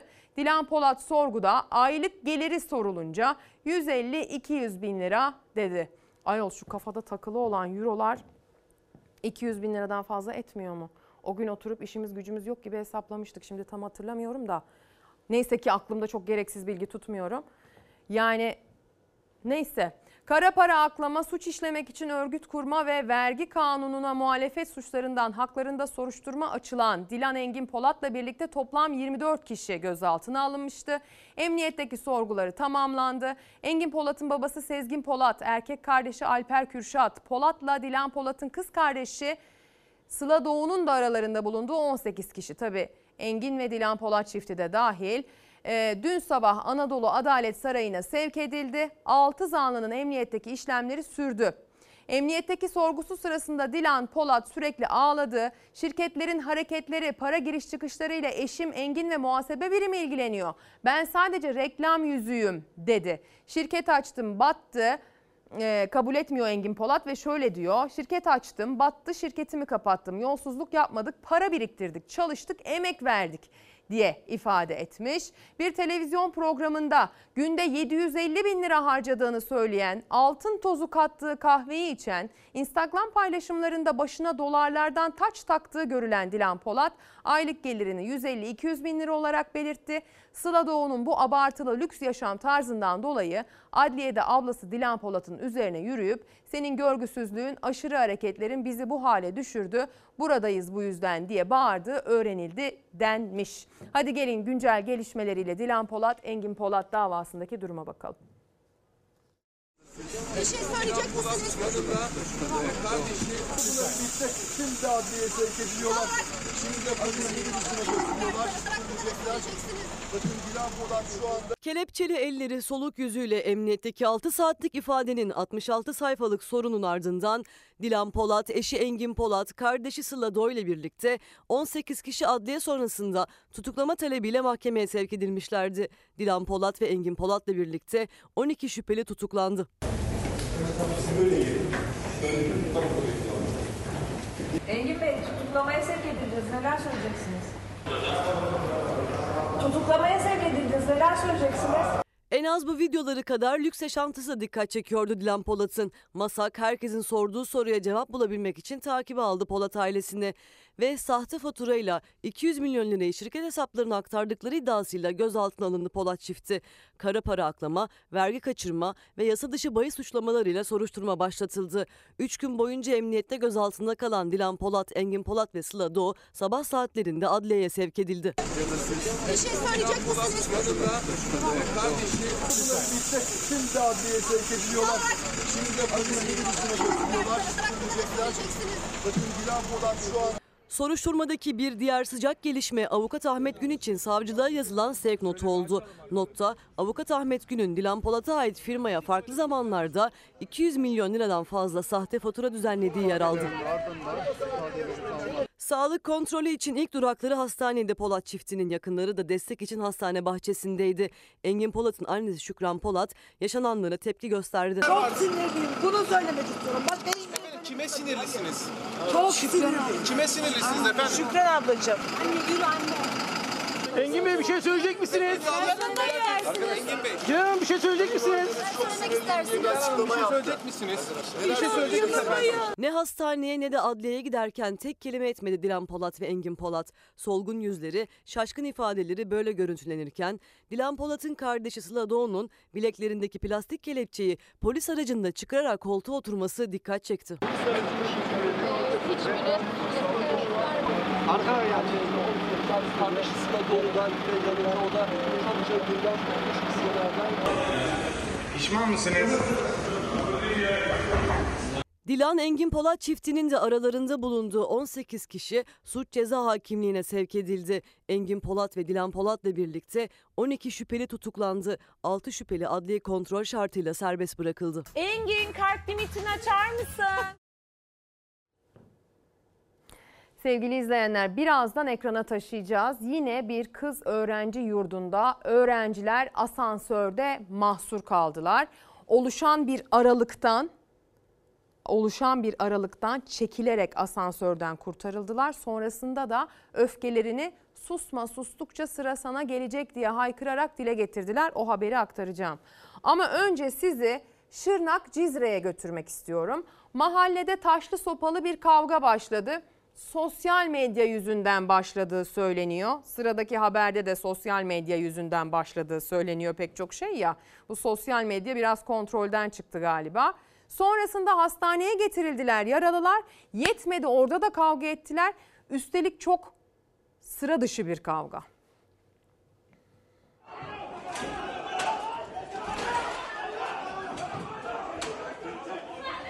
Ellerine geçirdikleri her şeyi saldırmak için kullandılar. Neydi bu denli paylaşamadıkları tam olarak anlaşılamadı.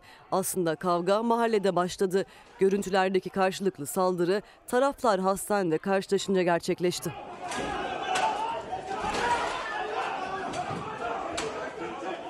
Burası bir acil servis. Girişteki kayıt masası önünde karşılaştı kavganın tarafları. İki taraftan da mahalledeki kavgada yaralananlar olmuş. Acile tedavi için getirilmişlerdi. Mahallede birbirlerine taşlı sopayla saldıran taraflar hastanede bilgisayar parçaları memurların sandalyeleriyle saldırdılar bu kez. Cizre Devlet Hastanesi'nin acil servisi birbirine girdi. İddiaya göre kavga Şırnak Cizre'de komşu evlerde yaşayan iki kişi arasında çıktı. Sosyal medya nedeniyle sözlü başlayan tartışma kavgaya dönüştü. Her iki ailenin bireyleri de kavgaya dahil olunca ortalık savaş alanına döndü.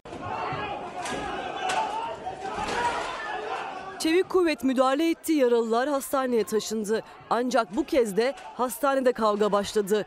Ellerine geçirdiklerini birbirine fırlatan taraflara hastane polisi ve özel güvenlik müdahale etti. Kavga nedeniyle acil servisteki bilgisayar ve ekipmanlar zarar gördü. Çok sayıda vatandaş muayene olamadan geri döndü.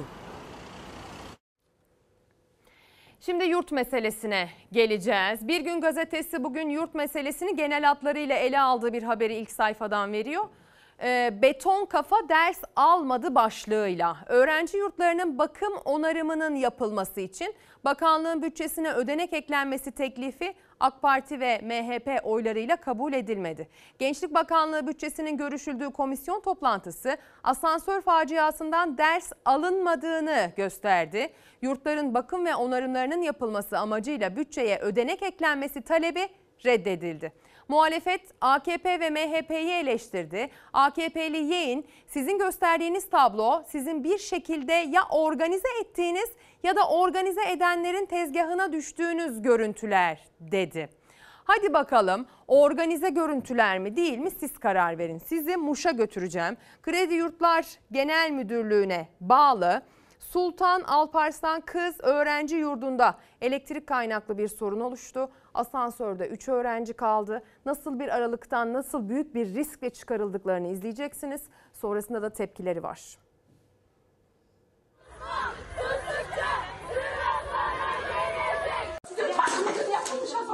Ablacığım sakin ol. Ablacığım asansörcü Yine devlet yurdunda kalan bir öğrenci takılı kalmış asansörün daracık aralığından çekilerek kurtarıldı. Zeren Ertaş'ın sıkıştığı asansörde yaşamını yitirmesi hafızalarda çok tazeyken bir kız öğrenci yurdunda daha asansör paniği yaşandı. Elektrik kaynaklı sorun nedeniyle kilitlenen asansörde mahsur kalan 3 öğrenci görevliler tarafından kurtarıldı. Biz şimdi de asansöre binmiyoruz ha.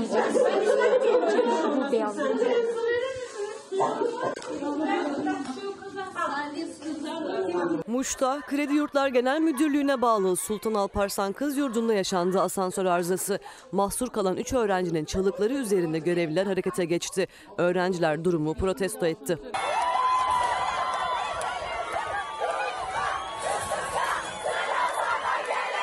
Bir öğrenci yurdunda daha arızalanan asansör nedeniyle korku yaşandı. Neyse ki mahsur kalan 3 öğrenci yurt görevlilerinin kendi imkanlarıyla açtığı aralıktan sağ salim çıkarıldı. Zeren Ertaş'ın vefatından sonra öğrencilerin barınma problemi başka bir boyut kazandı. Az evvel sözünü verdiğimiz bir haberle hadi devam edelim o zaman. Sözü emeklilere getireceğimizin sözünü vermiştik çünkü hatırlayacaksınız. İsterseniz tabii bu arada yurt meselesiyle ilgili bir diğer detay var. Onu aktarmış ol yani atlamış olmak istemem.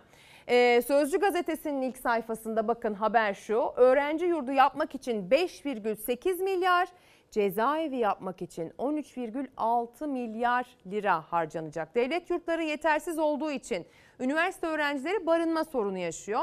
Durum böyleyken iktidar 2024'te 13,6 milyar harcayıp 12 cezaevi yapacak. Yeni yurt yapımı için ayrılan paraysa 5,8 milyar lira. Devlet yurdu yetersiz, özeller pahalı, kiralar uçmuş durumda. Emeklisi, öğrencisi, dar gelirlisi için kiralar adeta bel büküyor, can yakıyor ama denge bu. Bir bütçe sıralaması, öncelik sıralaması yapıyorsanız ki meclis bu ara bununla meşgul biliyorsunuz. Bu sizin öncelik sıranız sizin bu ülkeye, politikaya, siyasete, hayata, ülkenin geleceğine bakış açınızın bir resmidir. Somut bir e, çıktısıdır efendim. Bunun da burada altını çizmek isterim. Şimdi e, yıl sonu yaklaşırken tabii ki emeklinin gözü kulağı enflasyonun nereye geleceği, dolayısıyla zamlarının nereye varacağı şeklinde ilerliyor. Bu zamana kadar kaybettikleri miktar yani alım gücü, güçlerindeki düşüş dudak uçuklatırken emekliler diyor ki bize sadece zam yetmez bize refah payı lazım. Refah payı olmasın mı yani emekli hiç mi hava almasın? Ev kirası bir taraftan, elektrik su parası, doğalgaz parası, hayat pahalılığı aldı başını gitti. İnsanımızın refah seviyesinde gerilemeye yol açmaması için ücretliler ve emekliler başta olmak üzere düşük gelirli kesimlerin hep yanında yer aldık. %60, %70 vermesi lazım yani. Biraz emekli nefes alsın yani. TÜİK'in açıkladığı Ekim ayı enflasyonu ile birlikte SSK Bağkur emeklisi için 4 aylık enflasyon farkı %29,40 oldu. 2 ay daha var zam oranının netleşmesi için ama emeklinin Ocak zammı yavaş yavaş şekillenmeye başlarken emekliler en az %50 zam artı refah payı talep ediyor. Cumhurbaşkanı Erdoğan bir kez daha emekliyi çalışanı enflasyona ezdirmedik dedi. Enflasyonu tek haneye indireceğiz sözü verdi. Enflasyonu kalıcı olarak 2028 yıl sonunda ise %4,7'ye geriletmek en önemli hedefimizdir. Her şey yüzde 500 artmış. Refah payı mutlaka 8 bin küsur verdiler mi şeylere emekliye de vermesi lazım. Özellikle 7500 lira ve altında maaş alan emekli için geçim her geçen gün zorlaşıyor. Ankara Büyükşehir Belediyesi'nin 1000 liralık destek ödemesine başvuran emekli sayısı da gün geçtikçe artıyor. Sadece 3 ayda 15.329 emekli 1000 liralık destek alabilmek için belediyeye başvurdu. Her ay 2000-3000 lira bankadan kredi çekmek zorunda kalıyorum. Temmuz ayında emekliye %25 zam verildi. Ancak kök maaşı düşük olan milyonlarca emekli tek kuruş zam alamadı. Ocak ayına kadar da maaşlarında bir iyileştirme olmayacak. Bir yılı neredeyse zamsız geçiren emeklinin gözü Ocak zammında ve refah payında. Ben %50 istiyorum ama %50 zam yaptığı anda fiyatta %100 gele fırlayacaksa hiç yapmasın daha iyi yani. En az bir yüzde 55-50-60 vermeleri lazım. Huzur evine gideyim dedim. O da 14-15 bin lira istiyorlar. Ben nereden vereceğim onu? Yap. Maaş ne kadar? 7500. Memur emeklisinin maaşları toplu sözleşme şartlarına göre Ocak ayında %15, Temmuz'da %10 oranında artacak. Üzerine enflasyon farkı alacaklar. SSK emeklisinin ise 4 aylık kesinleşen enflasyon zammı %29,40 oldu. Önümüzdeki 2 ayda enflasyon Kasım'da %3, Aralık'ta %3 çıkarsa SSK Bağkur emeklisinin alacağı enflasyon farkı %32 olacak. Emeklinin %50 zam beklentisi için en az %18 refah payı gerekecek. Geçen seneye 150 lira aldığım peynir çıkmış 300 liraya %100 zam var. TÜİK'in açıklaması doğru değil. Yılbaşı zamlarına etkileyecek şekilde bir açıklama yapıyorlar. Bunların derdi böyle sıkmak. Bazıları kemerini gevşetiyor. Bizlere de bu sıkmayı istiyorlar. Bu bütçeyi reddediyoruz. Hakça insanca bütçe istiyoruz. Emekli %50 zam ve refah payı beklerken Büro İş Sendikası da eylemdeydi. Bütçede emekli çalışan yok diyerek ses yükselttiler. Yeniden değerleme oranıyla netleşen zamlara dikkat çekerek. Hükümet almaya gelince yüzde 58.46, memura ve emekliye vermeye gelince yüzde 25 zam vermektedir. Bunun da anlamı kaşıkla verip kepçeyle geri almaktır. Emekliye dair tabii ki haberlerimiz sürecek. İlerleyen dakikalarda emeklinin asgari ücret konusunda söylediklerine kulak vereceğiz ama İçişleri Bakanı Ali Yerlikaya'nın sosyal medya X hesabından yaptığı bir paylaşım var. Sıcak sıcak onu aktaralım sevgili izleyenler. Ee, diyor ki Ali Yerlikaya, bölücü terör örgütü mensubu teröristlerin kırsalda, kış aylarında barınmak için hazırladıkları mağara ve sığınakların imha edilmesine yönelik gerçekleştirilen Kahramanlar operasyonunda 8 ilde 21 adet mağara ve sığınak imha edildi. Şırnak, Hakkari, Van, Bitlis, Bingöl, Tunceli, Erzurum ve Kars'ta operasyonlar gerçekleştirildi. Çok sayıda mühimmat, gıda, yaşam, sağlık malzemesi ve örgütsel döküman ele geçirildi. Ali Yerlikaya yaptığı paylaşımda terörle mücadelemiz son terörist etkisiz hale getirilinceye kadar kararlılıkla devam edecek dedi diyor. Bu bilgi sıcak sıcak Twitter üzerinden yani X üzerinden paylaşılmıştır efendim. Şimdi önce havanın durumuna sonrasındaysa çiftçinin durumuna bakacağız. Edirne, İstanbul, Kocaeli, Çanakkale, İzmir şiddetli fırtına ve yağışla adeta bir sınav verdi. Dün itibariyle dedik ki yağmur geliyor. Ee, ama bu yağmura sevinebilmemiz lazım. Kuvvetli sağanak riski var. Ee, aslına bakarsanız düşen yağmur hani kısa bir aralıkta belli bir olağan sınırın üzerindeydi evet ama sele neden ola- olabilecek boyutta mıydı? Örneğin İstanbul'da sele neden olması için en azından gökyüzü açısından hiçbir gerekçe yoktu. O zaman nereye çevrilecek gözlerimiz? Yeryüzüne, altyapıyla. İnsan elinin oluşturduğu altyapıya çevrilecek. Uyarıların ardından fırtına sağanak yağış vurdu. Sel ve su baskınları peşi sıra geldi. İzmir'de caddeler göle döndü. Ev ve iş yerlerini su bastı. Edirne'de fırtına ağaçları devirecek kadar güçlüydü. İzmir'de araçlar su dolan yollarda mahsur kaldı. Park halinde akıntıya kapılan araçlar büyük tehlike yarattı. Yolda kalan bir otobüsün içi suyla doldu. Araba yüzüyor lan sus. İzmir'de selden en büyük darbeyi Buca ve Karabağlar aldı. Evleri, iş yerlerini su bastı. Bornova'da da su altında kalan caddeler, sokaklar araçları suya gömdü. Daha önceki e, bu su basımında e, kardeşimin arabasını kaybettik. Arabayı su aldı götürdü. Masrafı karşılanmadı bile ne. Şu anda bütün mobilyalar su içinde. Halk bu eziyeti devamlı çekmekte. Derenin bakımı yapılmadığı için yani e, atılan pisliklerin tıkanmasından dolayı. Vatandaş her sene yaşıyoruz diye su basan evinin içinde böyle isyan etti. İzmir'de çitlenmek derisi taşınca vatandaşların evlerine dolan su eşyalarına zarar verdi. Şiddetli lodos Edirne, İstanbul, Kocaeli ve Çanakkale etkisi altına aldı. İstanbul Avcılar'da çocuklar parkta oynadığı sırada ağaç devrildi. Yürekleri ağza getiren olayda 3 çocuk hafif şekilde yaralandı. İstanbul'da sağanak yağışı hazırlıksız yakalananlar kaçmaya çalışırken kurak geçen günlerin ardından gelen yağmur bazı vatandaşları mutluluktan dans ettirdi. Lodos şiddetini arttırdı. Akşam saatlerinde bir kafede çekilen görüntülerde giderek güçlenen fırtına vatandaşları korkuttu. Kocaeli'de dalgalar karaya yükseldi. Binaların çatıları uçtu. Edirne'de fırtınanın ortasında kalan bir sürücü o anları cep telefonuyla kaydetti. Edirne'de sokaklar savaş alanına döndü. Çatı parçaları, devrilen ağaçlar, yollara saçılan dallar. Sağanak yağışın ardından dolu da gelince vatandaşlar zor anlar yaşadı. Çanakkale'de kent merkezi dahil birçok noktada yollarda su birikti, araçlar mahsur kaldı. Şehrin içinde hayatı olumsuz etkileyen sağanak yağışlar Çanakkale'de orman yangınlarının imdadını yetişti, ateşi söndürdü.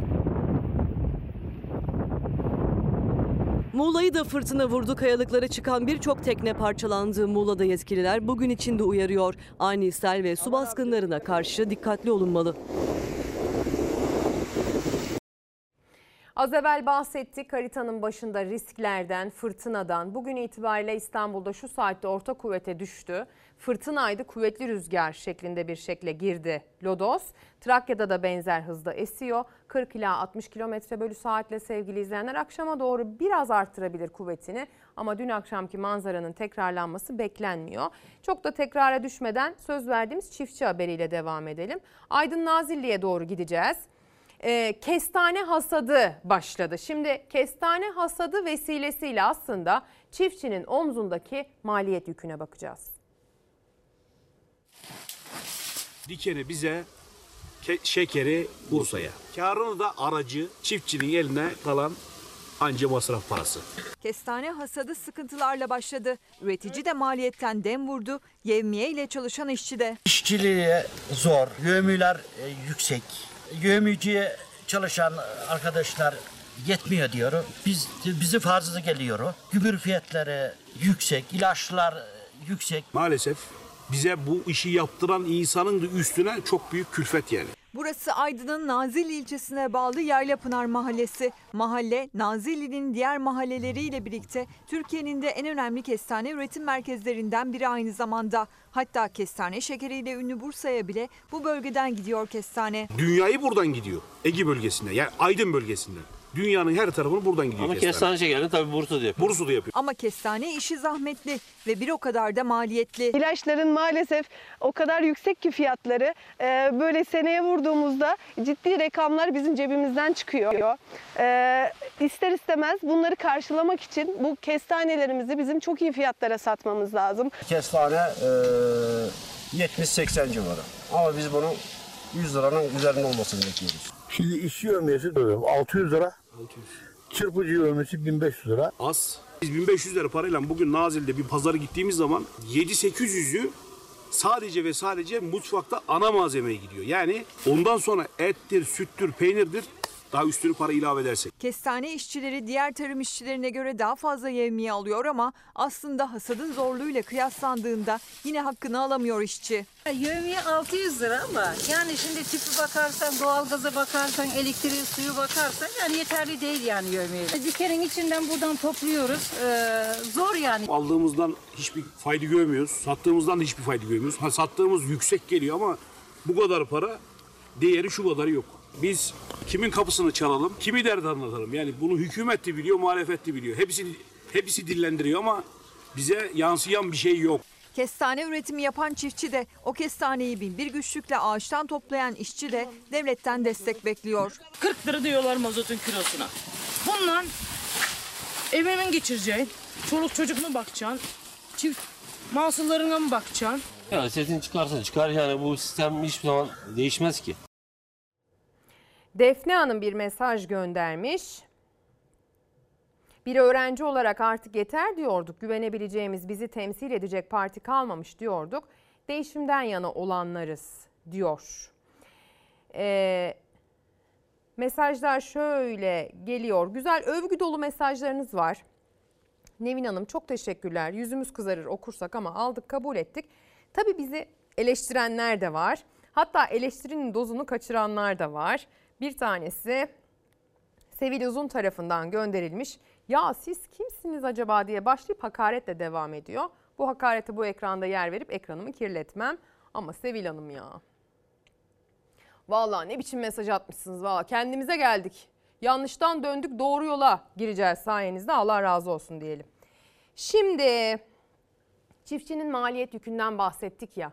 Bir de aynı üreticinin sırtına düşünün ki vicdansızların yükü binmiş olsun. Hırsızların yükü binmiş olsun. Çaresiz bir çiftin hikayesi gelecek ekrana.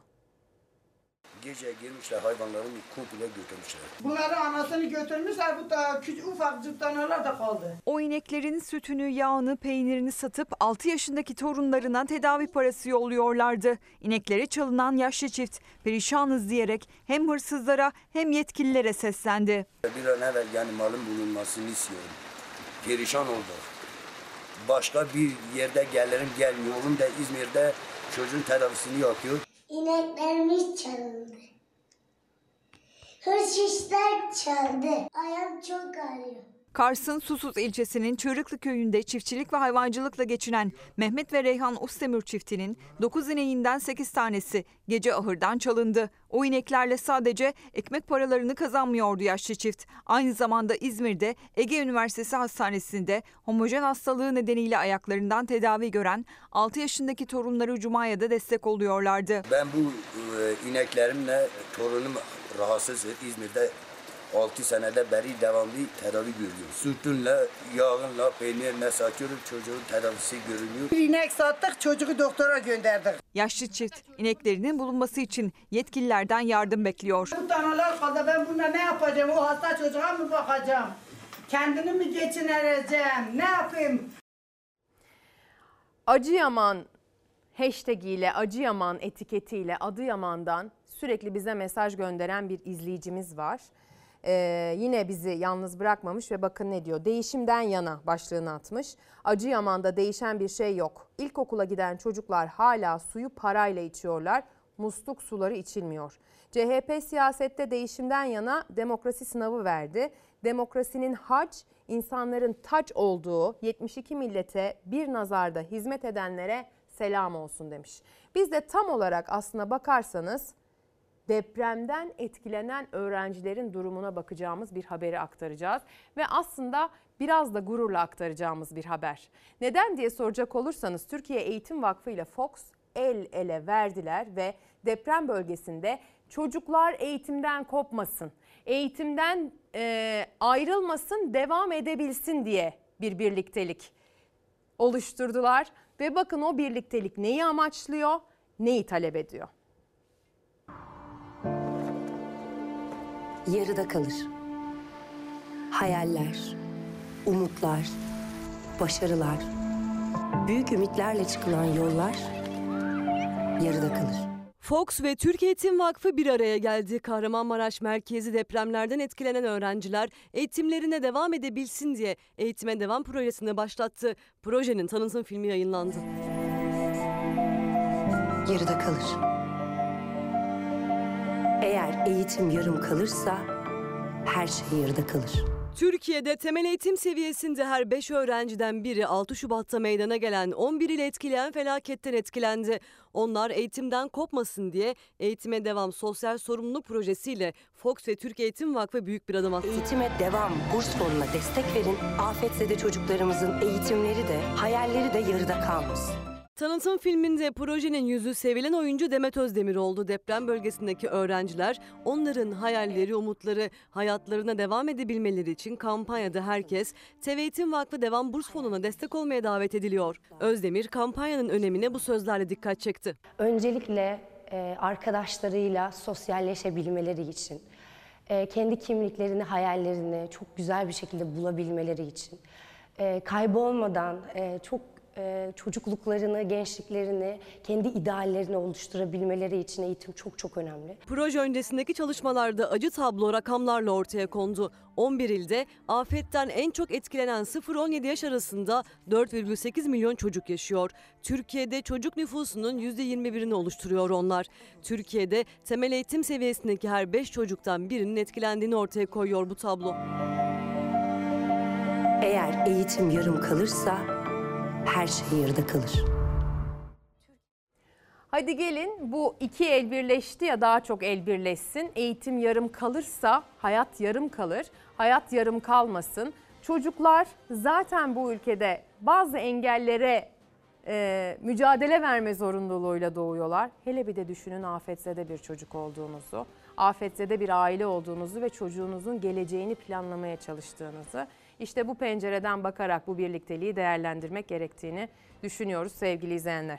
Şimdi ilerleyen dakikalarda CHP'ye bakacağız. Bugün aslında kurultayda heyecan sürüyor. Biliyorsunuz YDK ve PM seçilecek. Sabah saat 9.30'da Özgür Özel hali hazırda bugünün parti meclisiyle bir araya geldi bir toplantıya başladı. Bu toplantıdan sonra Özgür Özel'in yine kurultay salonuna gelmesi bekleniyor.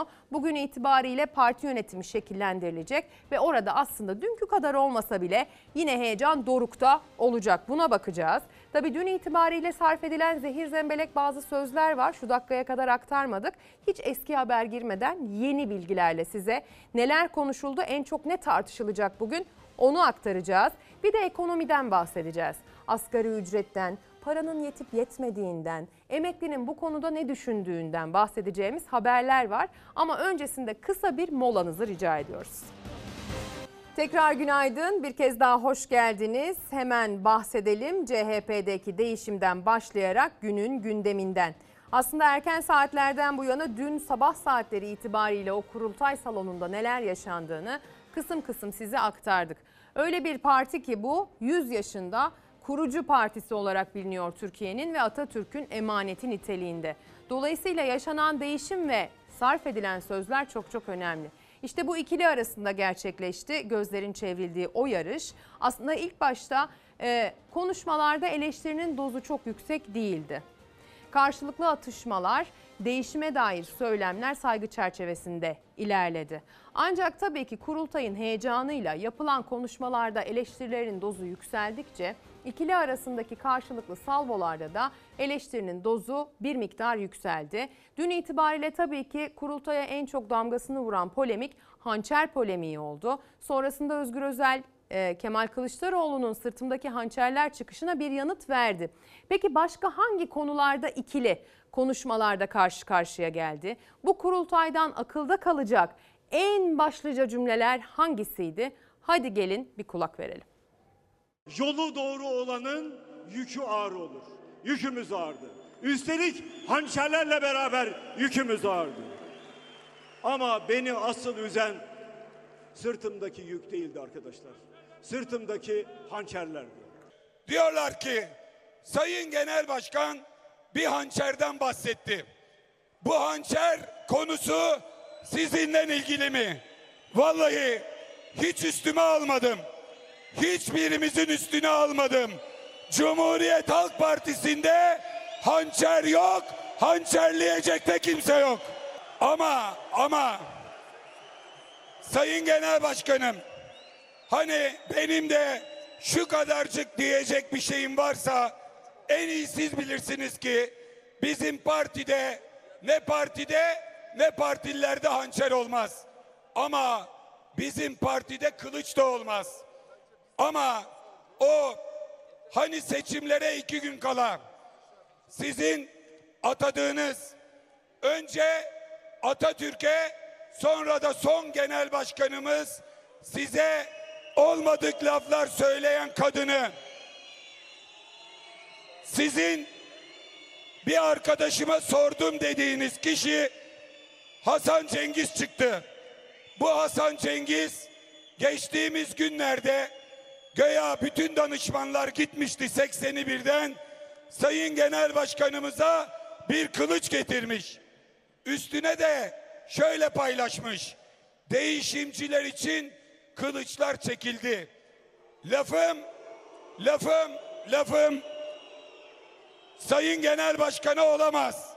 Ama ama Cumhuriyet Halk Partisi'nde danışmanım diyen ama profil resminde Recep Tayyip Erdoğan olan değişim diyenlere kılıç çekecek olanın alnını karışlarım, alnını karışlarım. Alnını karışlarım. Seçim bitti, kazanamadık. Daha nefes almadan değişim söylemleri başladı.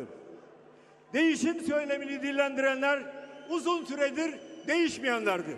Ama seçimden sonra ilk işim onları değiştirmek oldu. Biz Cumhuriyet Halk Partisi olarak tüm siyaset anlayışımızla değişmeliyiz. Evet değişmeliyiz. Dış politika iktidara bırakılamayacak kadar mühim ve önemli bir alandır. Biz sol ve sosyal demokrat bir partiyiz. İçim acıyor. Filistin İsrail arasında olanlar var. Altyazıda Erdoğan Putin'le görüştü. Görüşür. Erdoğan Almanya ile görüştü. Erdoğan Lula ile görüştü. Lula Brezilya'nın sol lideridir.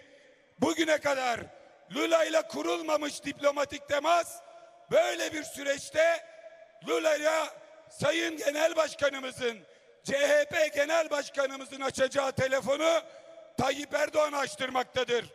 Almanya'da siyasi akrabamız Olaf Scholz şansölyedir. Onunla ilk teması kurması gereken biziz. Fransa'daki muhalefet Sosyalist Parti ile Yunanistan'ın Siriza'sıyla İngiliz İşçi Partisi ile diplomatik temasların yürütülmüyor olması, dış gezilerin sadece seçime kala üç tane ve tartışma yaratan bir sürece indirgenmesi Cumhuriyet Halk Partisi gibi köklü bir partinin siyaset yapış biçiminde kabul edilebilecek bir süreç değildir. Uzun yıllardır, uzun yıllardır beraber çalışıyoruz. Eğer uzun yıllardır beraber çalışıyorsak ve Cumhuriyet Halk Partisi'nin bir dış politika danışma kurulu olduğunu bilmiyorsa bir arkadaşımız ve o dış politika danışma kurulunda ve o dış politika danışma kurulunda iki genel başkanımızın da yer almasını bilmiyorsa oraya bir soru işareti koymak zorundayım. 2014 yılının alınan tüzük kararı gereğince partinin aldığı hazine yardımının yüzde kırkının örgütlere yollanması gerekiyor. Bu para yollanıyor mu? Yollanıyor. Ama 2014 yılından beri aynı para yollanıyor. 2014'ten beri örgüte yollanması gereken paraya kaynak hazine yardımı 9,5 kat artmış olmasına rağmen örgüte aynı TL yollanıyor. O gün dolar 3 lira 70 kuruşmuş. Bugün 30 lira olmuş ama Posof'taki çayı demlemek için alınan tüp 16 kat artmış. Aynı para geliyor. O yüzden benim genel başkanlığımda önümüzdeki hafta MYK'da alınacak karar fiyatın güncellenmesidir. Ya tüzükte yüzde 40 diyor zaten. Biz de yüzde 40'ını gönderiyoruz. Ama örgütlere binada alıyoruz. Yüzde 40 onun içinde de var. Peki yüzde 40 göndermediysek neden mali rapora hep beraber el kaldırıp evet dediniz? Nerede olmamız gerekiyorsak hep yanınızdaydık. Ama Sayın Genel Başkanım saygısızlık için değil ama sırtımıza da bu yükü vurmayın. 39 milletvekili verilirken hem vallahi hem billahi biz yoktuk. Biz yoktuk. Oğuz Kağan Salıcı vardı yine yanınızda. Gizli protokol yapılırken vallahi biz yoktuk. Danışmanınız vardı yine yanınızda. Hiç kimse unutmasın. Gemiyi limana sağlam götürmek yine kaptanın görevidir. Kaptan olarak gemiyi limana sağlam götüreceğimi herkes bilsin. Benim CHP kültüründen öğrendiğim, aldığım en büyük derslerden birisi budur. Elbette adı geçen adaylar için yapılan tanım kırıcıdır. Sosyal demokrasiyi bilen, bagajı olmayan, parti tarihini bilen sınıflandırmasında adı geçen adaylar bu sınıfın dışındaysa Sayın Genel Başkan'ın bütün yol arkadaşları bu sınıflandırmanın dışındaysa ben bunu kabul etmiyorum. Böyle bir sınıflandırmanın dışında kalacak kimse bu salonun içinde değildir. Bu salonun içinde değildir. Eleştiriye açım. Benim kadar eleştiriye açık olan hiç kimse yoktur. Keşke burada anlattıklarını uzun süredir beraber çalışıyor, yüzüme karşı söyleseydi. Tabii ki sözler sertleşti zaman zaman ama hiçbir şekilde hakarete varmadı. Saygı sınırları çerçevesinde kaldı. Sonuç itibariyle Kemal Kılıçdaroğlu son dönemde eleştirilen bir siyasetçi ama bu zamana kadar saygılı, ölçülü, güler yüzlü ve e, sözleriyle toplumu yumuşatan ve sakinleştiren tavrıyla bilinen bir liderdi. Hatta Kemal Kılıçdaroğlu için farklı farklı isimler farklı zamanlarda hep aslında gelişmiş Kuzey Avrupa ülkelerinin siyasetçi kumaşından var Kılıçdaroğlu'nda diye bahsettiler. Dün bir seçim gerçekleşti. Bir demokrasi e, havası esti o kurultay salonunda ve sonrasında delegeler değişimden yana bir karar verdiler. Bundan sonra da aynı havanın esmeye devam etmesini dileriz. Türkiye'nin ana muhalefet partisidir netice itibariyle. Peki yeni genel başkan Özgür Özel kimdir? Özgür Özel biliyorsunuz Manisa milletvekili. Özellikle Soma faciasında kendisinin ismini sıkça duyduk. Oranın sesini sıkça yükseltti Özgür Özel ve sonrasında da gençlik zamanlarından içinde bulunduğu CHP'de adım adım yükseldi ve gündemde daha çok yer bulmaya, sözleriyle kamuoyu oluşturmaya başladı. Hadi bir hatırlayalım, tanıyalım Özgür Özel'i geçmişten bugüne. Partimizin yeni genel başkanı Sayın Öze, Özgür Özel olmuştur. Gazi Mustafa Kemal Atatürk'ün, İsmet Paşa'nın, Bülent Ecevit'in, Deniz Baykal'ın, Murat Karayalçı'nın, Hikmet Çetin'in, Altan Öymen'in ve Kemal Kılıçdaroğlu'nun koltuğunda oturmak, onların emanetine sahip çıkmak, bundan sonra benimle birlikte hepinizin görevidir. Ben sizlere güveniyorum. CHP 38. kurultayında değişim dedi. 2010 yılından bu yana Kemal Kılıçdaroğlu'nun oturduğu genel başkanlık koltuğunun yeni sahibi Özgür Özel oldu. Daha zoru da genel başkan konuşurken arkasında böyle duruyoruz ya şey gibi put gibi. en yapamadığım o. 1974 yılında Manisa'da doğan Ege Üniversitesi Eczacılık Fakültesinden mezun olan Özgür Özel, ilk defa 2011 Türkiye genel seçimlerinde CHP Manisa milletvekili olarak meclise girdi. 2015 yılından 3 Haziran 2023 seçimlerine kadar CHP Grup Başkan Vekilliğini, Haziran'dan sonra da Meclis Grup Başkanlığı görevini sürdürdü. Meclisin en aktif ve sözünü esirgemeyen isimlerinden biri oldu. Kılavuzunuz kim olursa olsun Cumhuriyet Halk Partisi sizden korkmayacak, asla yılmayacak, asla ve asla bir adım geri atmayacaktır. 3 yıl önce Armağan Çağlayan'ın hazırladığı programa konuk olduğunda 2023 yılı için bambaşka planları olduğunu anlatmıştı. Benim hedefim Cumhuriyet'in 100. yılında Cumhuriyeti yine Atatürk'e, Atatürk'ün kurduğu partiye ve Atatürk'ün hayal ettiği Cumhuriyet'in 100. yılına yakışır bir yönetime bırakmak ve mümkün ise ondan sonra gitmek. Ama 3 yıl içinde Türk siyaset arenasında çok şey değişti. CHP'nin 38. kurultayı öncesi parti yol ayrımına geldi. Değişim isteyenlerle Kılıçdaroğlu'nu destekleyenler partinin iki tarafına yerleşti. Özel partinin değişimi simgeleyen yüzü olarak yarışa girdi.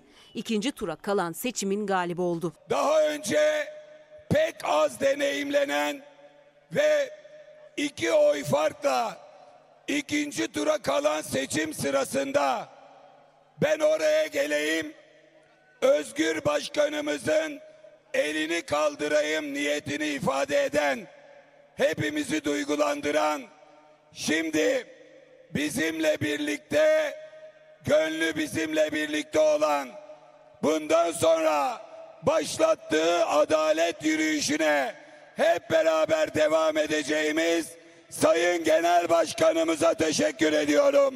Sayın Kemal Kılıçdaroğlu'na. Özel seçim sonuçlarının açıklanmasının ardından yaptığı konuşmasına teşekkürlerle başladı. Partisi için seferberlik ilanıyla devam etti. İlk ziyaretini de depremde büyük hasar gören Hatay'a yapacağının sözünü verdi. Bugünkü zaferin galibi bütün Cumhuriyet Halk Partililerdir. Biz bütün Türkiye'ye ve dünyaya parti içi demokrasiyi, çoklu yarışı, Cumhuriyet Halk Partisi'nde genel başkanın demokratik seçimlerle değişebileceğini hep birlikte gösterdik. Şimdi CHP'deki değişim sadece kendi içimizdeki bir merhaleyi kat etmektir.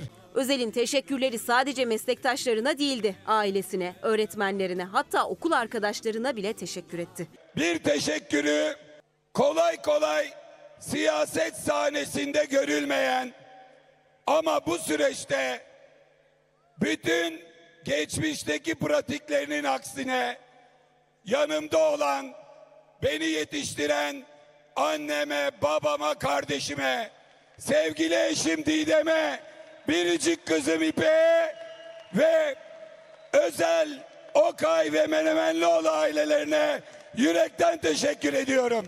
İlkokul öğretmenimden yakılı okuldaki öğretmenlerime kadar beni yetiştiren tüm öğretmenlerime, bugün beni burada yalnız bırakmayan Bornova Anadolu Lisesi mezunu arkadaşlarıma ve elbette elbette böylesi bir gecede gecenin bu saatinde bu büyük onuru benimle birlikte yaşayan tüm delegelerimize, tüm Cumhuriyet Halk Partililere yürekten teşekkür ediyorum. El ele, omuz omuza yerel seçim zaferi için yola çıkıyoruz. Yolumuz açık olsun, yolunuz açık olsun.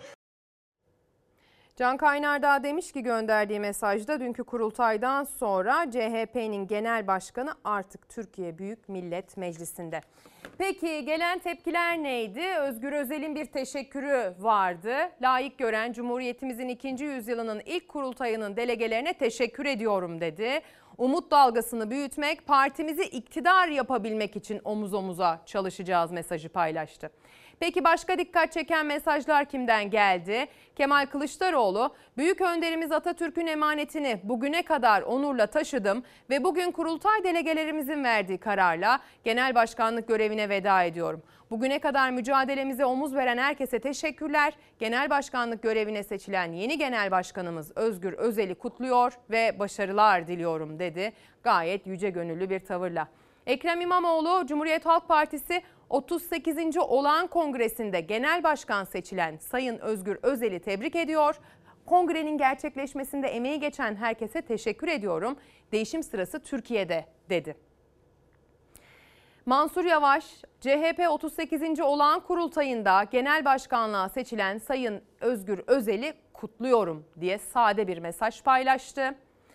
Tunç Soyer, partimizin genel başkanı seçilen Özgür Özel'e yeni görevinde başarılar diliyor. Partimiz ve ülkemiz için hayırlı olmasını diliyorum. CHP ömründen CHP'ye ömründen yıllar veren, hak, hukuk ve adalet için en ön safta yürüyen Genel Başkanımız Sayın Kılıçdaroğlu'nun demokrasi için, adalet için, cumhuriyet için verdiği mücadeleye minnettarız. Cumhuriyetimizin ikinci yüzyılında da köklü geçmişinden güç alan bir Cumhuriyet Halk Partisi'nde yılmadan, yorulmadan ülkemizin geleceği için çalışacağız mesajını paylaştı.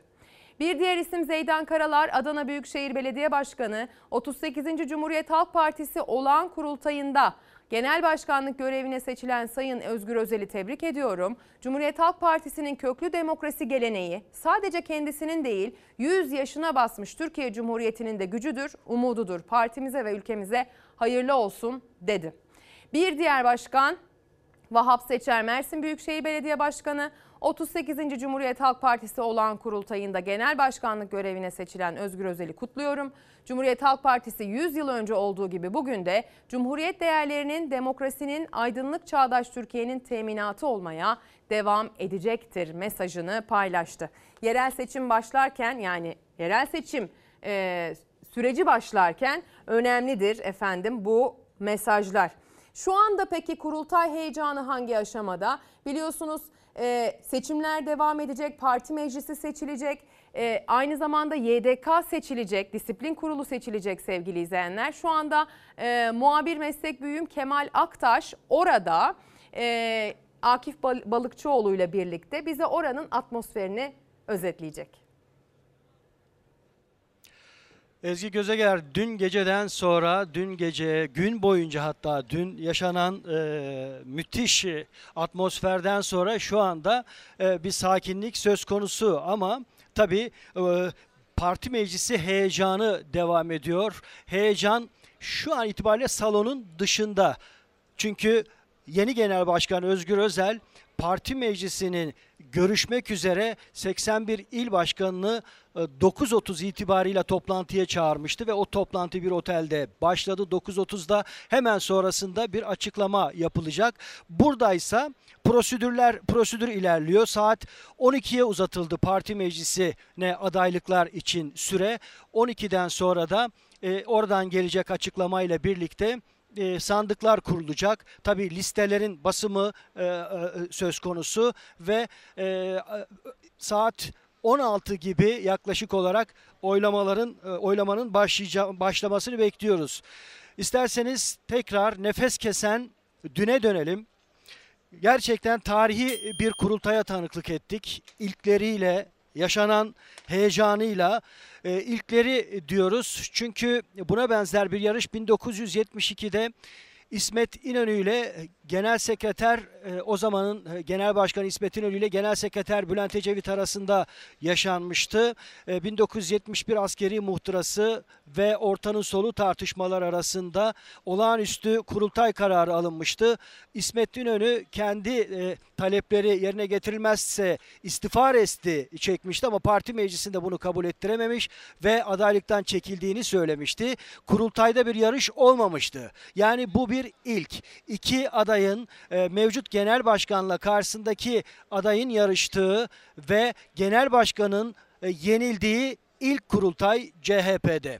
Kemal Kılıçdaroğlu gitti, yerine Özgür Özel geldi.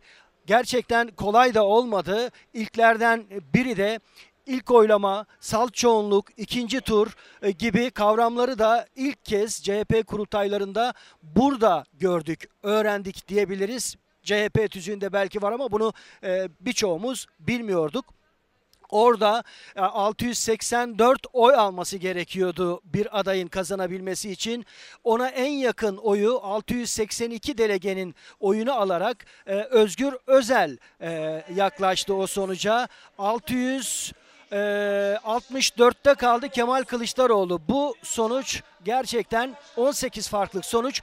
İkinci tur içinde e, kuvvetli bir mesaj oldu. İkinci turda da e, gecenin ilerleyen saatlerinde e, tablo ortaya çıktı. 18 farklık e, rakam bu kez 276'ya çıktı. Yani fark Özgür Özel lehine 276'ya çıktı ve 812 delegenin oyunu alarak Özgür Özel e, genel başkan Kılıçdaroğlu karşısında 536 oy alan Kılıçdaroğlu karşısında e, galibiyetini ilan etmiş oldu ve CHP'nin 8. genel başkanı oldu. Gazi Mustafa Kemal Atatürk, İsmet İnönü, Bülent Ecevit, Deniz Baykal, Hikmet Çetin, Altan Öymen gibi ve Kılıçdaroğlu'nun ardından Özgür Özel şimdi CHP'nin yeni genel başkanı, 8. genel başkanı. Şu sıralarda gerçekten parti meclisi e, anahtar listesi ya da parti meclisi listesiyle ilgili olarak e, perde arkasında kulisler yapılıyor. İl başkanları toplantısında da e, Özgür Özel'in il başkanları toplantısında da bu e, liste üzerinde duruluyor. E, tabii Şöyle bir baktığımızda konuşulanlar arasında kimlerin olabileceğine dair Özgür Özel'in listesinde bazı isimler, dikkat çeken isimleri saymak istiyorum. Selin Sayek Böke, Yalçın Karatepe, Haydar Akar, e, Gökhan Zeybek, Murat Emir, Onur Saladı Güzel, Süleyman Bülbül, Gamze, Gamze Taşçıer, Gökçe Gökçen, e, Hasan Baltacı, Özgen Nama, Özgür Karabat, Çağlar Biçer, Özkan Yalım, Ahmet Kaya, Pınar Acar, Pınar Uzun, Ulaş Karasu, Ali Hikmet Akıllı, Deniz Yücel, Burhanettin Bulut, Tolga Sağ gibi isimler e, dikkat çekiyor. Bu isimlerin 52 kişilik e, parti meclisi listesinde olması bekleniyor. Al, 52 kişi içerisinden e, 60 kişi aslında 60 kişilik bir liste olacak. Bunun 52'si parti meclisi listesi olacak. Dediğim gibi şu anda bir otelde Özgür Özel'le il başkanlarının toplantısı devam ediyor. O toplantının ardından bir açıklama yapılacak ve gözler tekrar bu salona, kurultay salonuna, arenaya çevrilecek ve arenada ikinci round parti meclisi listesi için başlayacak ve saat e, 14'ü bulması bekleniyor bu düellonun e, başlangıç saatinin. Çok Ezgi teşekkür Gözeger. ediyoruz Kemal Aktaş. İzlenimleriniz bizim için çok çok kıymetli. Bu akşam Fox ana haberde de bu izlenimlere genişçe yer verileceğini izleyicimize bir kez daha hatırlatalım. Şimdi biraz hayatın içinden haberlere dönmek niyetindeyiz. Ee, biliyorsunuz 6 Şubat'ta çok ağır bir deprem atlattık. Ee, evet deprem çok büyüktü. Belki asrın felaketi denecek kadar büyüktü ama e, biz de bir o kadar hazırlıksızlık. Deprem ne kadar büyükse hazırlıksızlığımız en az o kadar büyüktü. Şimdi sizi Elazığ'a doğru götüreceğim. Bir bina yıkımı ama sıra dışı bir yıkım.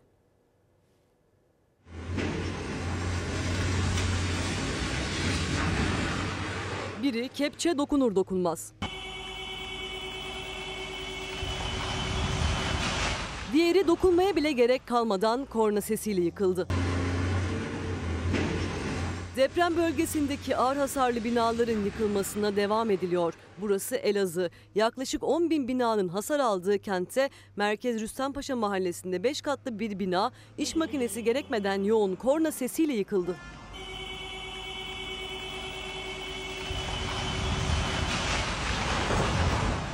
Yine aynı mahallede iş makinesi yardımıyla yapılan yıkımdaysa 4 katlı bina kepçenin tek müdahalesiyle yerle bir oldu.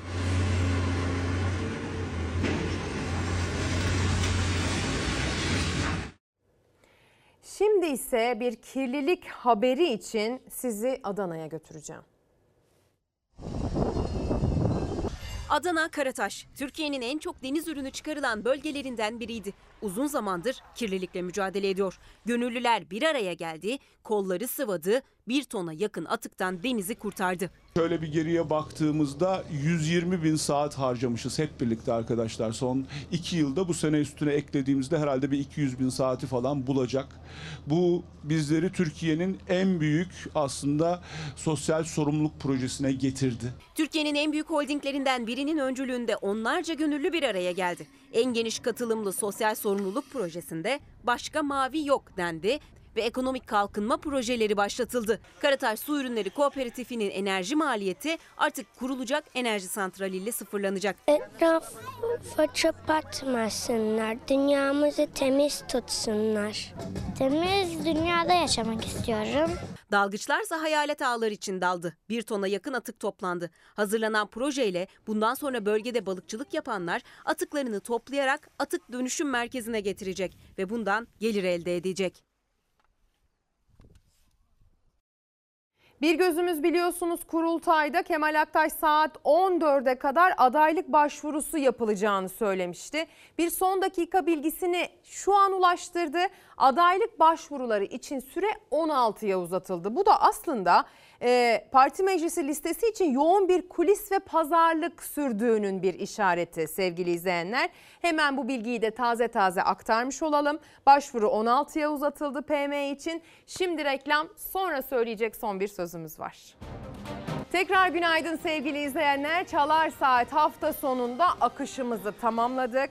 Her zaman olduğu gibi heyecanla, hevesle, yüksek motivasyonla hazırladığımız tüm hazırlıkları evlerinize, ekranlarınız üzerinden taşıdık. Güne bilgi dolu başladık. Güne gündeme hakim başladık. Türkiye'de dünyada ne yaşanmış hep beraber öğrenmiş olarak başladık. Günün geri kalanında bir pazar keyfini hepimiz hak ettik diye düşünüyorum. Akşam saatlerinde bugünkü kurultay heyecanının devamını ana haberde bulacaksınız hatırlatalım. Yarın sabahsa tabii ki İlker Karagöz bu stüdyoda Çalar Saat'le karşınızda olacak. Bizler haftaya zamanımız günümüz gelene kadar buralarda olacağız. O zamana kadar hoşça kalın diyelim. Yeniden görüşünceye kadar iyi pazarlar.